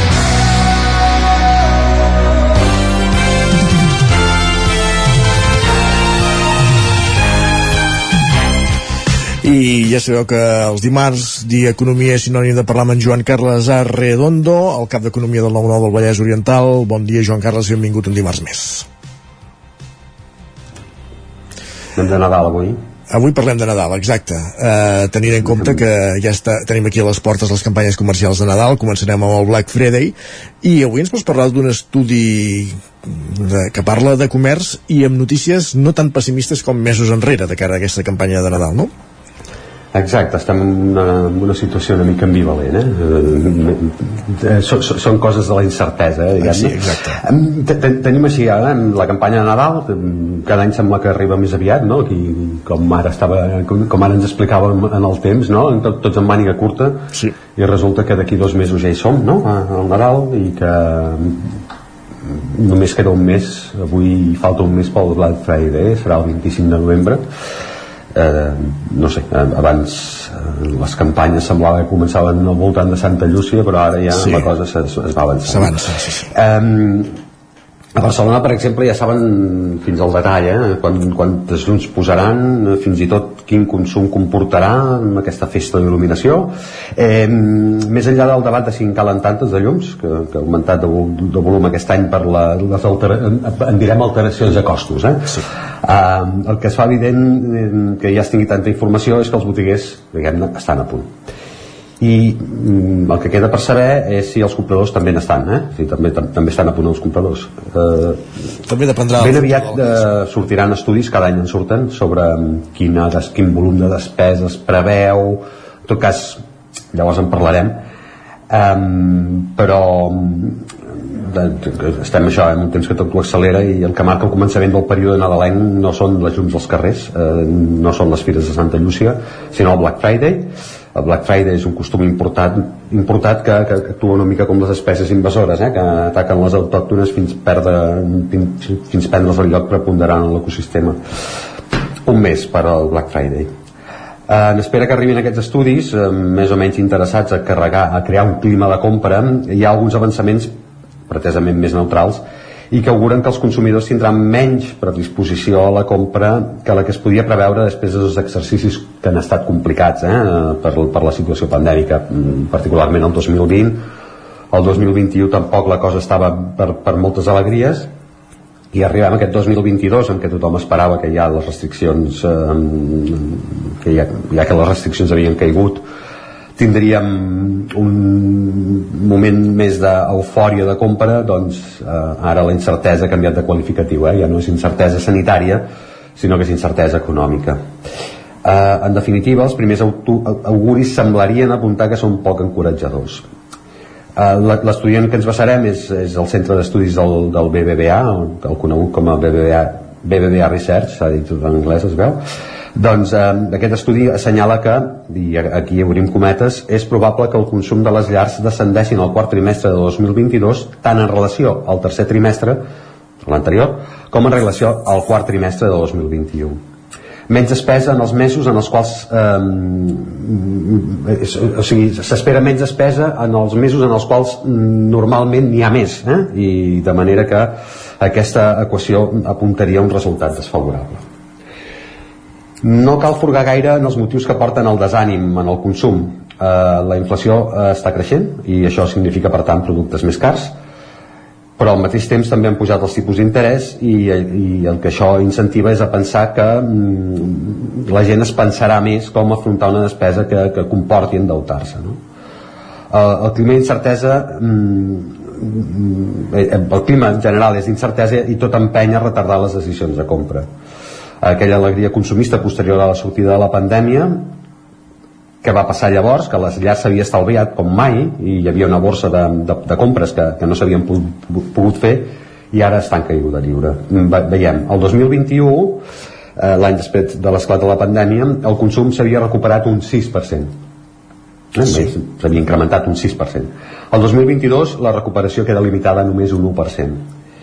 Eh, la conclusió dels autors de l'estudi del BBA sobre l'evolució del consum és eh, que, mm, que és precisament aquest factor, el consum, el principal responsable de l'alentiment del creixement econòmic. És a dir, estem veient com ara tots els indicadors sobre PIB ens estan dient que la cosa va una mica més lenta del que, del que havia estat fins ara i el principal responsable és el consum. I això persistirà, segons les, aquestes previsions, perquè la projecció per l'any que ve és que el creixement serà encara més limitat i quedarà per sota de l'1%, un 0,9% però no tot són males notícies i per tant està bé que intentem generar un clima d'optimisme que per l'economia és molt bo que, que se'n vagi generant no? Uh -huh. Um, els economistes de, de l'entitat bancària s'aferren a alguns indicadors que limitarien, almenys temporalment, els mals auguris en un trimestre que és decisiu en el camp del consum. Els compradors encara conserven part dels estalvis que van acumular en el període pandèmic i si es fes servir una part d'aquest estalvi l'impacte eh, es reduiria de fet, la crisi actual agafa els ciutadans en millor posició que la de 2008, precisament perquè disposen de més estalvis i perquè, encara que arribin pujades i tipus d'interès, el punt de partida d'aquests tipus és molt baixa i, per tant, molts dels deutes que hi havia acumulats fins ara s'estan pagant encara amb preus eh, baixos perquè, diguem-ne, que s'havien pactat preus fixos. De manera que, eh, per dir-ho sintèticament, els ciutadans tenen més diners a la, a la butxaca eh? Eh, i llavors això seria un, un punt favorable no? també s'està produint almenys fins ara una situació que no es donava el 2008 el, dos, el mercat laboral està mostrant més capacitat de resistència i mentre la feina estigui més o menys pres, pre, preservada hi haurà una predisposició a fer despesa és a dir, quan, és quan un es queda sense feina quan atura completament o mm, les compres o només fa aquelles que són estrictament imprescindibles no? seria desitjable en aquest sentit que no només persistís aquesta resistència en el mercat laboral, sinó una certa predisposició que les escales salarials fossin menys rígides. L'informe del banc, i no és cap novetat perquè els economistes d'aquesta entitat eh, ja hi havien insistit prèviament, parla obertament d'un pacte de rendes. De fet, llança un advertiment, un advertiment en el sentit que si no s'aconsegueix el previsible increment de la... si no s'aconsegueix aquest pacte de rendes, és a dir, que els salaris pugin eh, no tant com l'IPC, però pugin, i que els beneficis empresarials en conseqüència baixin mm, diguem-ne proporcionalment eh, doncs si no s'aconsegueix aquest pacte el previsible increment de la conflictivitat laboral perjudicaria la creació d'ocupació i el creixement econòmic. No ho diu l'estudi però no és difícil llegir entre línies que ja ni determinats operadors del sector financer entenen la tossuderia de la patronal en l'actual negociació col·lectiva Um, mentre fins i tot els governs més persistents en polítiques d'austeritat de la passada crisi han modificat el discurs, eh, ja no parlen tant d'austeritat, um, la patronal espanyola continua, sí, en el discurs aquell del 2008 de la moderació salarial i ara s'està advertint que se'ls pot girar en contra. Uh, la conclusió de l'informe és que l'actual situació aparenta a ser breu i d'efecte moderat, tot això passarà sempre quan la situació de, la, de guerra a Ucraïna no empitjori, eh? però apunta a ser breu i d'efecte moderat. De fet, i de nou com un missatge positiu, es comença a detectar una certa relaxació en l'evolució a l'alça de determinats productes de consum. És cert que a l'hora de comprar mm, al mercat els els consumidors continuen veient com el compte se'ls enfila, eh? eh però va passar que en alimentació els costos van créixer un temps més tard que altres productes diguem-ne que com primer creix l'energia i com que, costa, com que creixen els costos de producció llavors això es va traduint finalment en els preus de consum i ara estaríem en aquest punt és a dir, ara s'estan començant a relaxar els, els primers indicadors eh? sembla que el preu energètic està pujant menys eh, i per tant mm, la previsió és que els aliments puguin acabar moderant-se eh? Eh, la inflació es va disparar a l'estiu i tot i que continuarà sent elevada, segons aquest estudi, la pressió tendeix a reduir-se. Um, els informes apunten que un 40% dels productes ara mateix tenen una inflació inferior al 2% i que hi ha un 40% més que la tenen entre un 2 i un 10%. Fins a un 10% és molta inflació, però diguem-ne que ja comencem a veure mm, que mm, el, el, el conjunt de productes que, que, mm, que fan incrementar més la inflació doncs diguem-ne comença a reduir-se no? Potser és massa tard per, per salvar completament la campanya de Nadal però s'intueix una tendència. No és gaire més que una tendència de moment però per alguna cosa es comença. Està clar, el que també està clar és que eh, s'ha frenat els increments però clar, els preus són més alts. Bé, bé ja, com ja clar, el tema és, és aquest, no? que mm, fins quan es comencen a, a, a és a dir, quan, quan, quan va començar la inflació començaven amb, amb el que serien primeres matèries, etc. i fins que va arribar el consum ja no van passar unes setmanes, uns mesos i ara que potser estan baixant aquests primers indicadors potser cal esperar setmanes, mesos, ja ho anirem veient i si ens equivoquem amb el que estem dient ja ho reconeixerem eh? Uh -huh. Uh, però en principi tot apunta que mm, es, podria, es podria, podríem començar a veure unes certes moderacions certes moderacions que per algunes butxaques segurament seran suficients per passar, com deien, aquestes campanyes de Nadal, altres ho tindran més cru perquè sempre, evidentment, hi ha, hi ha un llindar a partir del qual, doncs, no... Eh, evidentment ho, ho nota tothom, però hi ha qui més i, i qui menys, no? Al final. Exacte, hi ha, hi ha qui li afecta més una decisió de compra i a qui li afecta menys, no? Ja, no? en principi. Sobretot això, que s'ha gastat bastanta part de l'estalvi que es va acumular durant la, la pandèmia. Durant la pandèmia, però no tot, de manera que encara hi ha un cert diner en circulació. Joan Carles Arredondo, gràcies una setmana més per ser nosaltres. Gràcies a vosaltres. Bon, bon dia. dia. Doncs hem parlat d'economia, hem abordat aquest estudi del BBVA sobre consum, sobre les previsions dels propers mesos. La campanya comercial de Nadal no serà eh, tan dolenta com s'apuntava, com es vaticinava mesos enrere, segons aquest nou estudi, i hem aprofundit avui en aquesta secció d'Economia del Territori 17. El que fem tot seguit és una petita pausa per la publicitat, però no marxem encara. Continuem. D'aquí 3 minuts ens acompanya en Guillem Sánchez amb el més destacat que ha trobat a Twitter i després el Territori Dona. Fins ara mateix. El nou FM, la ràdio de casa, al 92.8. A Rialtec som especialistes en instal·lacions fotovoltaiques, aerotèrmia, clima i instal·lacions integrals pel teu habitatge o la teva empresa. Demana el teu pressupost sense cap compromís. Rialtec. Ens trobaràs al carrer Narcís Monturiol 22 de Gurb i al telèfon 93 131 1796. Ja tens la teva disfressa de Halloween? A Manli tenim les més terrorífiques. Vine a buscar caretes i tots els complements que et calguin per passar una nit de por. Ens trobareu al carrer de Ramon Soler número 1 de Vic i també a manli.cat. A Manli fem de la festa una bogeria. Als teus fills els agrada la tecnologia? Apunta'ls a Codelern, l'extraescolar de programació i robòtica que els ajudarà a preparar-se per al futur i a ser creadors de tecnologia. Gràcies al mètode Codelern, cada alumne aprèn al seu ritme i pot començar quan vulgui. Us esperem a la Ronda Francesc Camprodon número 45 de Vic. Més informació a codelern.cat. Passema, comercial de maquinària i utillatges amb més de 50 anys al vostre servei. Visiteu la nostra botiga i trobareu productes de gran qualitat. Passema, som al polígon Sot dels Pradals, al carrer Cervera 10 de Vic. Telèfon 93 885 32 51. Ja tens la teva disfressa de Halloween? A Manli tenim les més terrorífiques. Vine a buscar caretes i tots els complements que et calguin per passar una nit de por. Ens trobareu al carrer de Ramon Soler número 1 de Vic i també a manli.cat. A Manli fem de la festa una bogeria. Amb Pradell estalvio energia i cuido la meva butxaca i el medi ambient. Posa't en mans a Pradell, són experts en calderes de gas i condensació, estufes de pelat, energia solar, terres radiants i geotèrmia.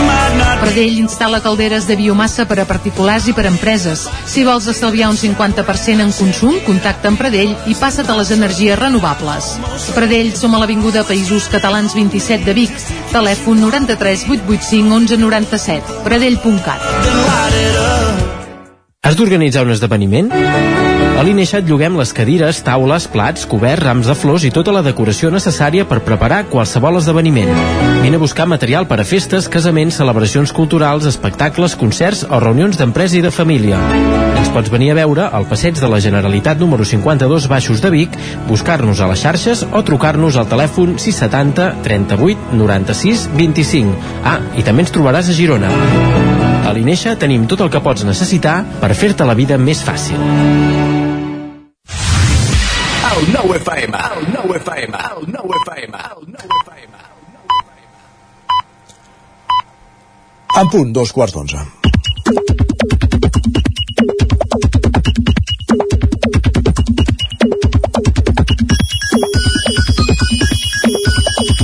I a dos quarts d'onze, com cada dia, moment de parlar de piolades. Eh, abans anunciàvem en Guillem Sánchez, però ha mutat en forma de Natàlia Peix. Benvinguda, bon dia. Què tal? Bon dia. Com estem? No sé si té a veure la caiguda mundial de WhatsApp. Exacte. Tothom està al territori 17, si més no estem reaccionant, recreant els grups, els grups per Telegram. No volem fer propaganda d'aplicació, però, ens, però vaja, eh, si més no, ens dona el servei ara mateix. Doncs comencem amb algunes reaccions que hem trobat aquesta caiguda del funcionament a nivell mundial de WhatsApp des dels vols de les 9 del matí sense que de moment n'hagin transcendit els motius eh, hem vist doncs, que en general tothom s'ho agafa en clau d'humor en Bruno diu sort de Twitter que ens avisa de la caiguda de WhatsApp en Joan, les temperatures per sobre la mitjana, l'eclipsi, la caiguda de WhatsApp ha arribat ja al col·lapse L'Alfons, caiguda de WhatsApp, el silenci dels grups. Això és, és ben cert. Correcte. I, no ha de dir els grups i tants altres xats, evidentment, sí, sí. L'Anna, no he notat la caiguda de WhatsApp i posa una cara, una emoticona amb una cara al revés, eh, donant a entendre que sí que, que l'ha notat i finalment una altra piolada que hem recollit. La de l'Aida diu per culpa de la caiguda de WhatsApp el meu crash no em contesta des de fa 3 mesos. Ostres. Per tant, això, com podeu veure bastant humor eh, en general. De moment, si s'allarga gaires hores ja, ja en parlarem més tard. Um, canviem de tema. l'Ima Puigcorbé diu de camí a la gran capital a parlar d'agricultura i ramaderia en una taula rodona amb un cuiner vegà i un productor de carn vegana. La intenció no convèncer ningú explicar que qui menja carn també cuida el planeta, és sostenible i molt conscient de la gestió territorial. I té diverses respostes, entre les quals la de l'usuari xai ecològic, que diu fot-li druidesa dels irreductibles. En Pep Acosta, el nostre company, eh, es fa ressò d'una fotografia que potser l'heu vist, del fotògraf lituà Eugenius Kavaliauskas, que mostra la cara d'una formiga eh, ampliada cinc vegades amb un microscopi i que dona com a resultat una imatge que, vaja, diguem que és el que podríem tenir associat a un monstre. La cara d'aquesta formiga amb uns ulls vermells i unes menes d'ullals de color daurat i ell eh, hi posa quina mala llet de formiga en Pep Acosta. Molt bé. En Jordi Vilarrodà també posant humor i crítica a aquests darrers episodis d'activistes llançant menjar contra quadres o peces famoses. Diu, tinc crema de carbassó preparada a la nevera, ara no sé si sopar o llançar-la a un quadre per salvar el planeta. Ah, fi, ja, ja hem parlat del tema dels, dels quadres, po pobres bèsties, vam. L'Albert Cuesta, decebut amb els titulars de premsa aquí, espanyola però també nostrada, sobre la condemna a Steve Bannon, que diuen assessor de Trump, però obliden ideòleg de Vox. Amb aquest periodisme estem abocats a l'extinció. Us ho diu un periodista. Per tant, aquí autocrítica pel gremi. Deu parlar amb coneixement de causa. En Joan Mercader, eh, es fa ressò d'una fotografia on es veu el rector de la Universitat de Vic a l'acte eh, d'obertura del curs de, que es va fer divendres passat, Josep Aladi Banyos fent el discurs des de la trona de l'antiga església de l'Hospital de la Santa Creu eh, que precisament divendres s'estrenava com a nou paranimf de la universitat. Ell mateix, Banyos, va dir que li feia il·lusió eh, fer la seva intervenció des d'aquest punt de, sí. de l'edifici perquè era com donaven les lliçons a les universitats medievals i en Joan eh, recrea la foto i diu inauguració del curs universitat el 21 universitari, perdó, inauguració del curs universitari el 21 d'octubre de 1756 i finalment eh, potser també sabeu que Leonardo DiCaprio ha estat a Barcelona eh, aquests, el, el, ha transcendit aquesta setmana, crec que hi va ser la setmana passada. Eh, Teresa Rossell diu el proper dia que vingui el DiCaprio el rei de la màgia, que és on va estar m'aviseu i us faig un truc. El faré desaparèixer una estoneta I finalment un aniversari a Twitter, eh, el de l'Eudal Sallarès, que diu sembla que fa 12 anys que violo per aquest món, agraït que em seguiu i llegiu les meves cabòries. És el que diu el regidor de l'Ajuntament de Manlleu. Vaja, vaja, així és que la Teresa Rossellera és maga i ens farà desaparèixer el DiCaprio. Es Molt veu bé. que sí. Doncs gràcies, Natàlia. Vinga, bon dia. Uh, sobrades les piolades anem cap al territori dona, aquí al territori 17. Territori 17. Envia'ns les teves notes de veu per WhatsApp al 646 079 023. 646 079 023. WhatsApp Territori 17.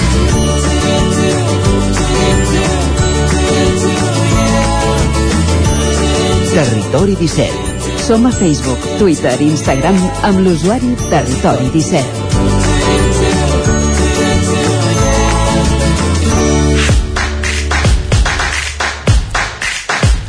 Cinc minuts, cinc minuts que passen de dos quarts d'onze i el territori 17. Primer de tot saludem la Maria López. Entrem al territori dona. Maria, benvinguda.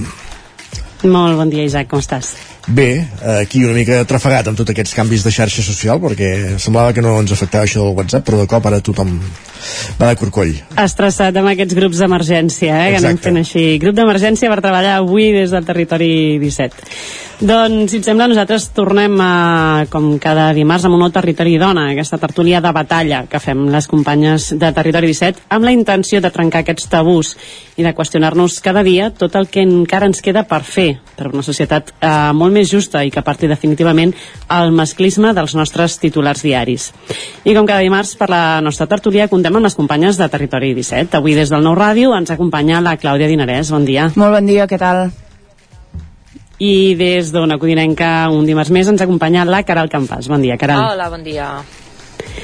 I per la tertúlia d'avui ens volem fixar en un titular d'aquesta darrera setmana i que neix arrel de la presentació que han fet diverses marques de roba de les seves campanyes de primavera. Alerta perquè el tema no va de si podem reaprofitar o no els pantalons acampanats un cop més. La cosa és molt més seriosa i és que sembla que fem passes enrere també en les models que les marques mostren com a models ideals. Torna la pitjor tendència, la tendència de la primor extrema. I per desgràcia, de la mà d'això, ja sabem també que creix una altra dada, la xifra de persones amb trastorns alimentaris, una malaltia que afecta a gairebé un 5% de les nostres joves. Així que, si us sembla, avui parlarem de pressió estètica. I com a tret de sortida, la Clàudia precisament ens comentarà una mica aquestes notícies que ens arribaven aquesta setmana al voltant d'aquesta campanya de primavera, però que no pinta bé, eh? No pinta bé, no pinta bé. Uh, de fet, avui ens endinsarem en el que es coneix la moda I2K, que és la moda dels efecte, de l'efecte 2000. Uh, això, eh, una moda que recorda i molt a l'estètica de, dels anys 2000, no sé com dir-ho, i que tendeix uh, a imposar, com deies, models extremadament prims. Uh, ara que ens havíem acostumat a la roba còmoda d'estar per casa, que vam començar a recuperar amb l'esclat de la pandèmia, el sector de la moda torna per recordar-nos allò tan típic de que tot torna i que ara uh, torna a tocar una tendència que és més aviat uh, preocupant. Uh, per endinsar-nos en aquest tema ens basarem en dos articles, un de la Corporació Catalana de Mitjans Audiovisuals i un altre uh, de La Vanguardia. Comencem per al primer. Uh, què diu? Doncs uh, ens parla d'això, no? d'una tendència que torna a posar en valor la primor extrema, les clavícules molt marcades, els ventres molt plans i les extremitats eh, pràcticament esquelètiques.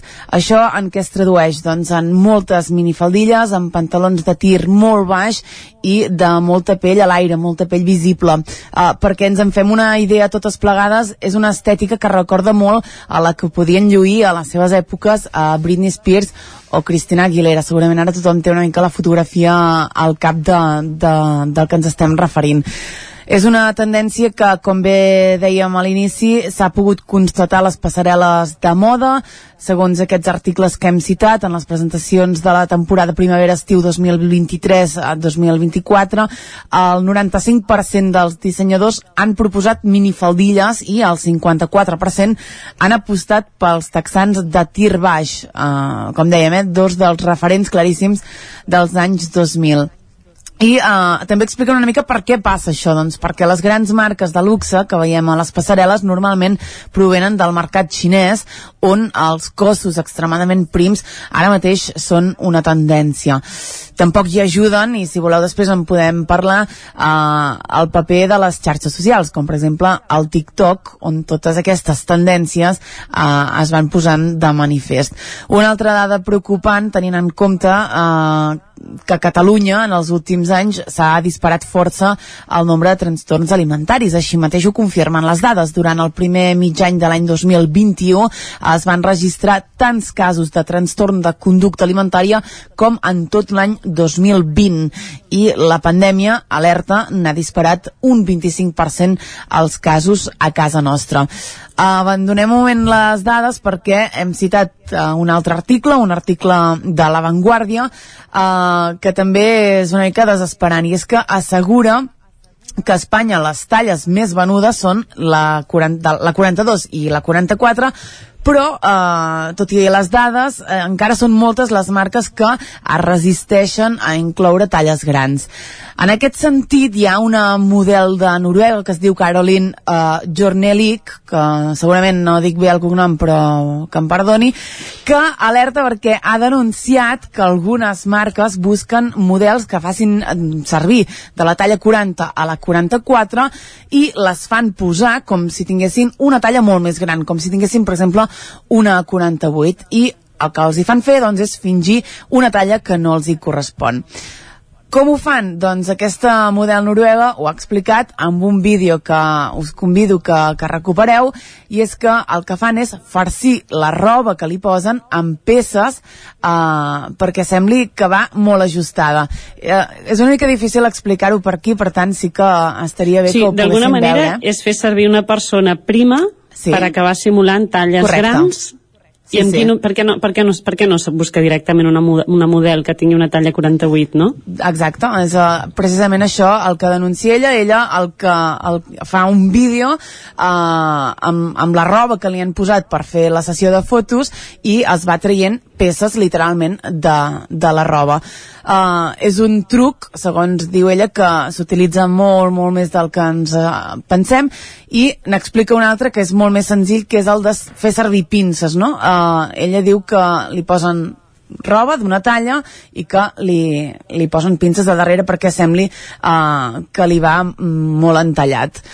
En fi, és la denúncia de la setmana d'aquesta model noruega que, que, que això, no?, que diu que, que s'ha trobat eh, en la situació d'haver de fingir una talla que no li correspon, per res. La veritat és que fa, fa por, sincerament, veure, jo he vist així imatges per sobre d'aquestes passarel·les de, de les últimes setmanes anunciant la campanya de primavera i, i, i fa por que torni d'alguna manera a, a aquella, això com a moda, perquè al final, quin és el problema, no? El problema no, ja no és tant el, el que es porti o no es porti, el problema és tota la gent que persegueix aquell model posteriorment i que per fer-ho eh, acaben entrant en joc malalties i acaben entrant en joc la salut Sí, sí. eh, al cap i a la fi, no? Tant de bo una passarel·la on, és, eh, evidentment, hi ha gent molt prima i hi ha gent que no ho és tant i gent que menys. L'ideal crec jo que seria una passarel·la on poguessis tenir tots els tipus de cossos i que, cada, i que, que tots els models d'alguna manera en els que qualsevol persona es pogués veure reflectida no? i m'impressiona molt el que deies que tot i que a Espanya les talles més venudes són la 42 i la 44 les empreses es resisteixen Mhm. jo el primer que he pensat és escolta, negoci, monto una només d'aquestes dues talles i ja ho tens, no? però hi ha aquesta resistència i aquesta oposició que és que em sembla la veritat escandalosa eh? Mm -hmm.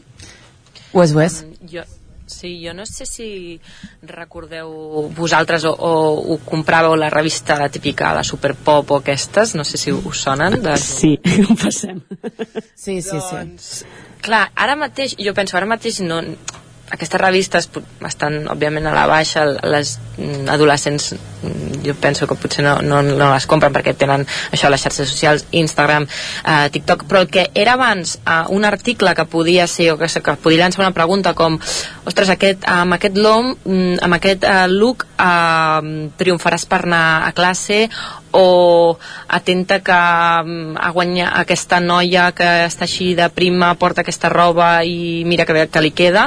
Això que abans eren potser exemples d'articles que hi havia en revistes per adolescents que podríem trobar al quiosc, jo crec que ara es tradueix en, a les xarxes, no? Eh, potser fins i tot també en forma de, de pues, titulars que els hi poden arribar, però sobretot a través de, de vídeos de noies que són referents per elles, no? que són pues, aquestes, les, les influencers. Um, llavors, uh, jo penso que, que bueno, ha canviat potser el, el canal a través d'on rebem aquests inputs, no? però al final és una, bueno, la pressió estètica que hi ha hagut eh, sempre, que jo penso també que és una forma més de violència que, que rebem les dones i que també es perpetua a través de, de perfils adreçats a adolescents i joves i que desgraciadament, com també comentaves abans Clàudia, el tema de, de malalties mm, això de TCAs, d'anorèxia, mm. bulímia, tot això es, es perpetua a través d'aquests perfils i té repercussió en la salut d'aquestes persones, sobretot en, en moments on t'estàs desenvolupant,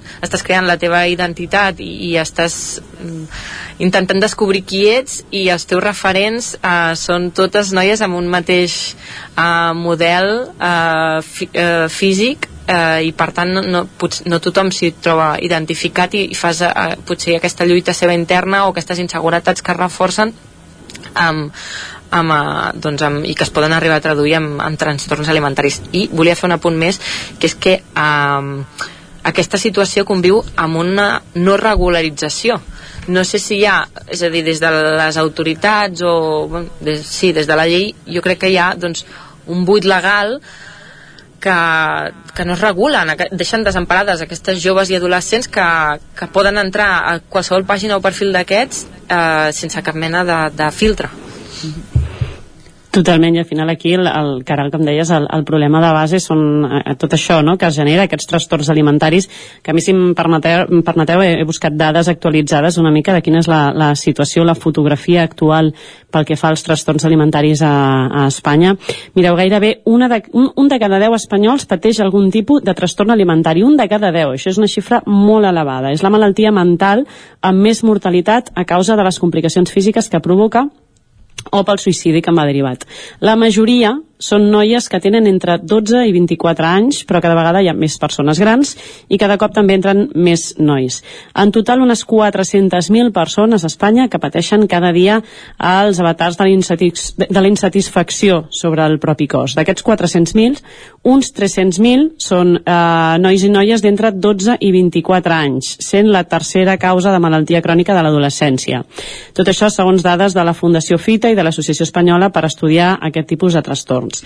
Més dades. Els TCA els pateixen més la població femenina, un 90%, de fet, de tots els TCA eh, diagnosticats, encara que com és més petita eh, l'edat, el pacient més... O sigui, com més joves, més casos de nois ens trobem, perquè ens puguem entendre. Abans de la pubertat, la proporció eh, és de 6 noies per cada 4 nois.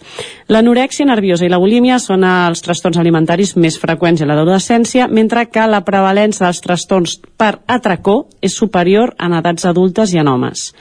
D'altra banda, un de cada quatre afectats mostra resistència al tractament i evoluciona cap a la cronicitat, mentre que un 60% té tendència a la recaiguda. Per tant, la gent que realment aconsegueix abandonar del tot aquest trastorn eh, és molt poca.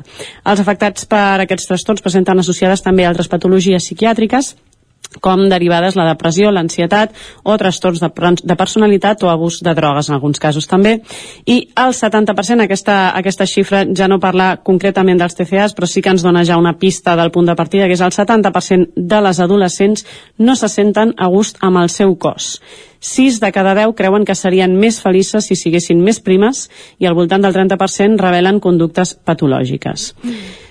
Tot això ens presenta un escenari eh, immillorable, per si dir-ho, pel cultiu de les dues famoses malalties que comporten aquest eh, l'índex de mortalitat, no? l'anorèxia i la bulímia, les malalties cròniques més freqüents. I he buscat també dades estadístiques de, dels últims anys i el canvi que hi ha realment en quant a casos detectats, si comparem 2011 amb 2019 és escandalós. 2011, perquè us situeu, parlem de 14.659 casos, any 2019 65.197 i estem parlant d'abans de la pandèmia perquè el que va passar a partir de la pandèmia ja encara es va multiplicar més i la quantitat de, de trastorns i de casos que es van detectar i que van sorgir precisament a partir de la pandèmia eh, és molt elevat. De fet, és un dels casos que us volia parlar ara, amb aquestes dades, eh, perquè voldria recordar el cas de la Núria Busquet. És una escriptora cardedeuenca que a l'estiu de 2021 va fer saltar totes les alarmes a través d'un fil de Twitter que es va fer viral, on parlava del trastorn alimentari que vivia la seva filla adolescent i de la poca resposta existent per part de la sanitat pública en casos com el seu. Recordem eh, aquesta petita entrevista no, no, a veure, és complicat, eh? Un trastorn alimentari no és una causa única, eh? Hi ha, hi ha mil causes i, i, i una part important de... La, una de les causes més importants és un tema genètic, la predisposició a tenir un trastorn mental, això no, ten, ho portem a dins i no, i, i no podem evitar-ho, no? Però llavors hi ha una sèrie de causes que fan que, que, fan que aquest trastorn es desenvolupi d'una manera o d'una altra o simplement no es desenvolupi, no?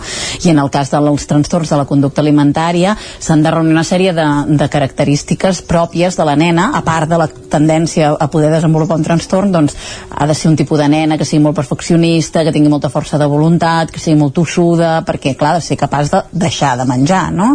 Una nena que tingui certs conflictes amb el seu propi cos o que, hagi, o, o que algú li, li hagi provocat aquests conflictes i aquí és on hi entra tot el tema social. Uh, en, en el meu cas, jo considero que el, que el desencadenant va ser el confinament però que ella ja tenia un historial de, de moltes, molts inputs que l'havien portat fins allà. Eh? I, I llavors, de cara a l'estiu, ens vam trobar que va començar a reduir les ingestes.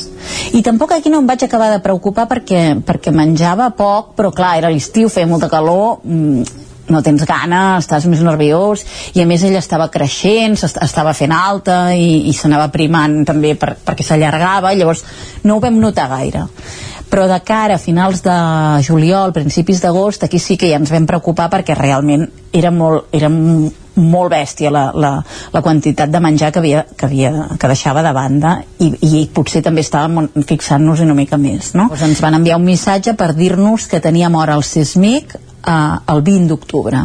I estàvem a principis d'agost. I la meva filla cada cop menjava menys. Van anar passant els dies i clar, cada cop estàvem més preocupats perquè tot el, tot el que teníem era una visita al, al, al 20 d'agost i, de, i, i, i al mig tot un desert de temps perquè la meva filla anés menjant cada cop menys. La nena va ingressar a Sant Joan de Déu amb 30 quilos. Ah, clar, sense que ningú ens hagués trucat ni ens hagués dit res. Jo estava molt desesperada, o sigui, era un, era un crit desesperat. Eh? A Sant Joan de Déu li van fer electrocardiogrames i tot plegat, clar, estava molt dèbil, el cor li bategava molt, molt malament, molt irregular, i clar, s'hi hauria, hauria pogut quedar dormint, i mentrestant tothom anava donant llargues.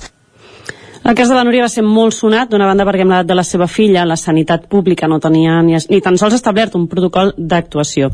I d'una altra banda per la nul·la resposta, precisament per part de la sanitat pública, tenint en compte que no existia aquest protocol.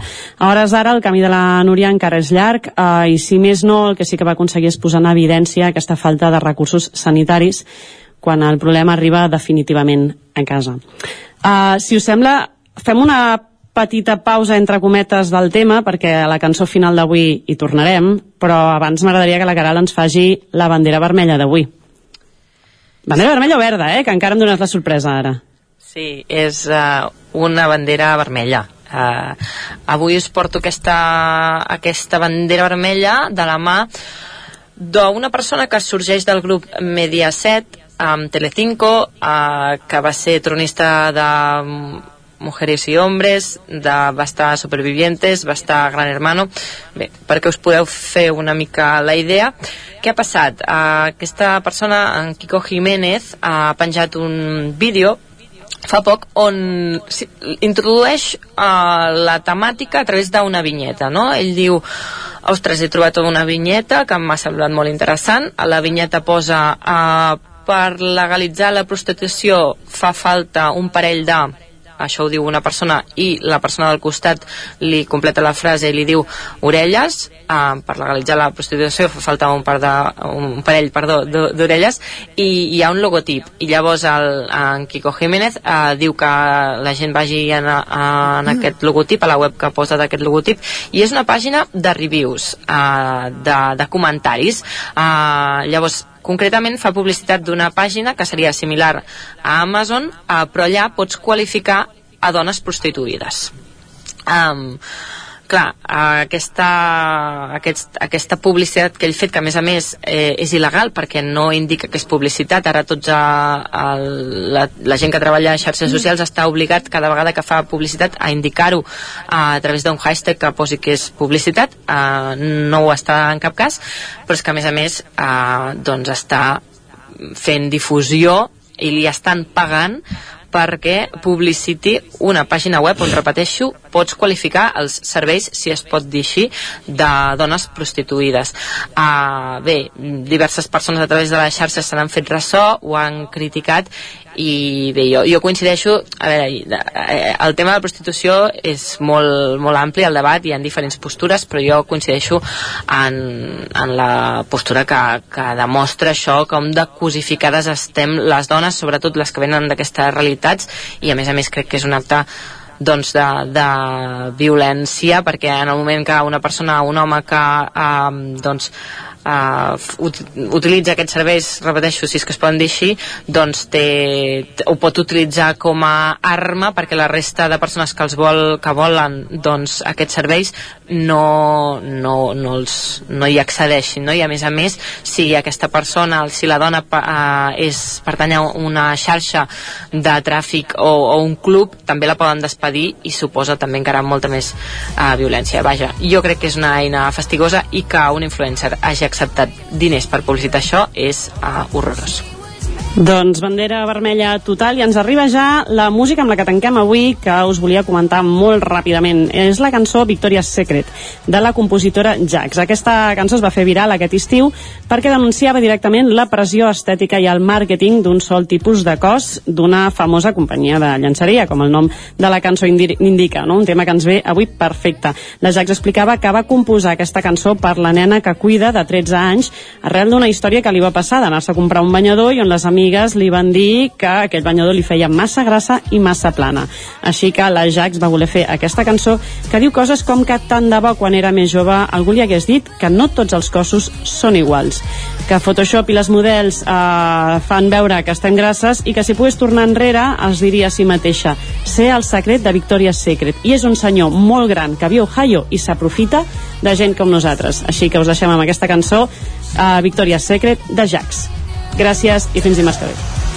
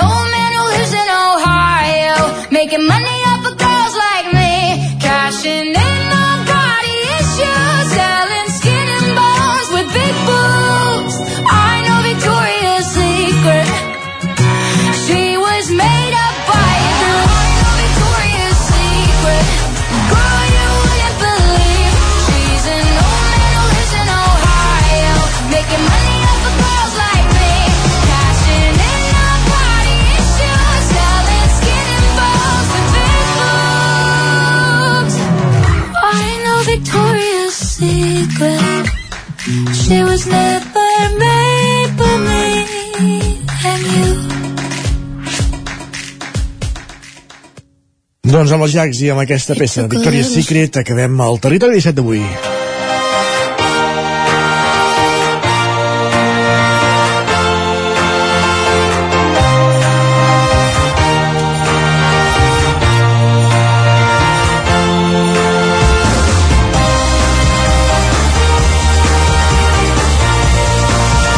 Un territori 17 que arrencava a les 9 del matí, en el qual des d'aquella hora us hem estat acompanyant Pep Acosta, Marc Ordeix, Isaac Muntades, Pol Grau, Joan Carles Arredondo, Natàlia Peix, Caral Campàs, Maria López, Clàudia Dinarès, Sergi Vives i Isaac Moreno. Un territori 17 que torna demà, com cada dia, a partir de les 9. Fins aleshores, gràcies per ser-hi i que vagi molt bé aquest dimarts. Adeu.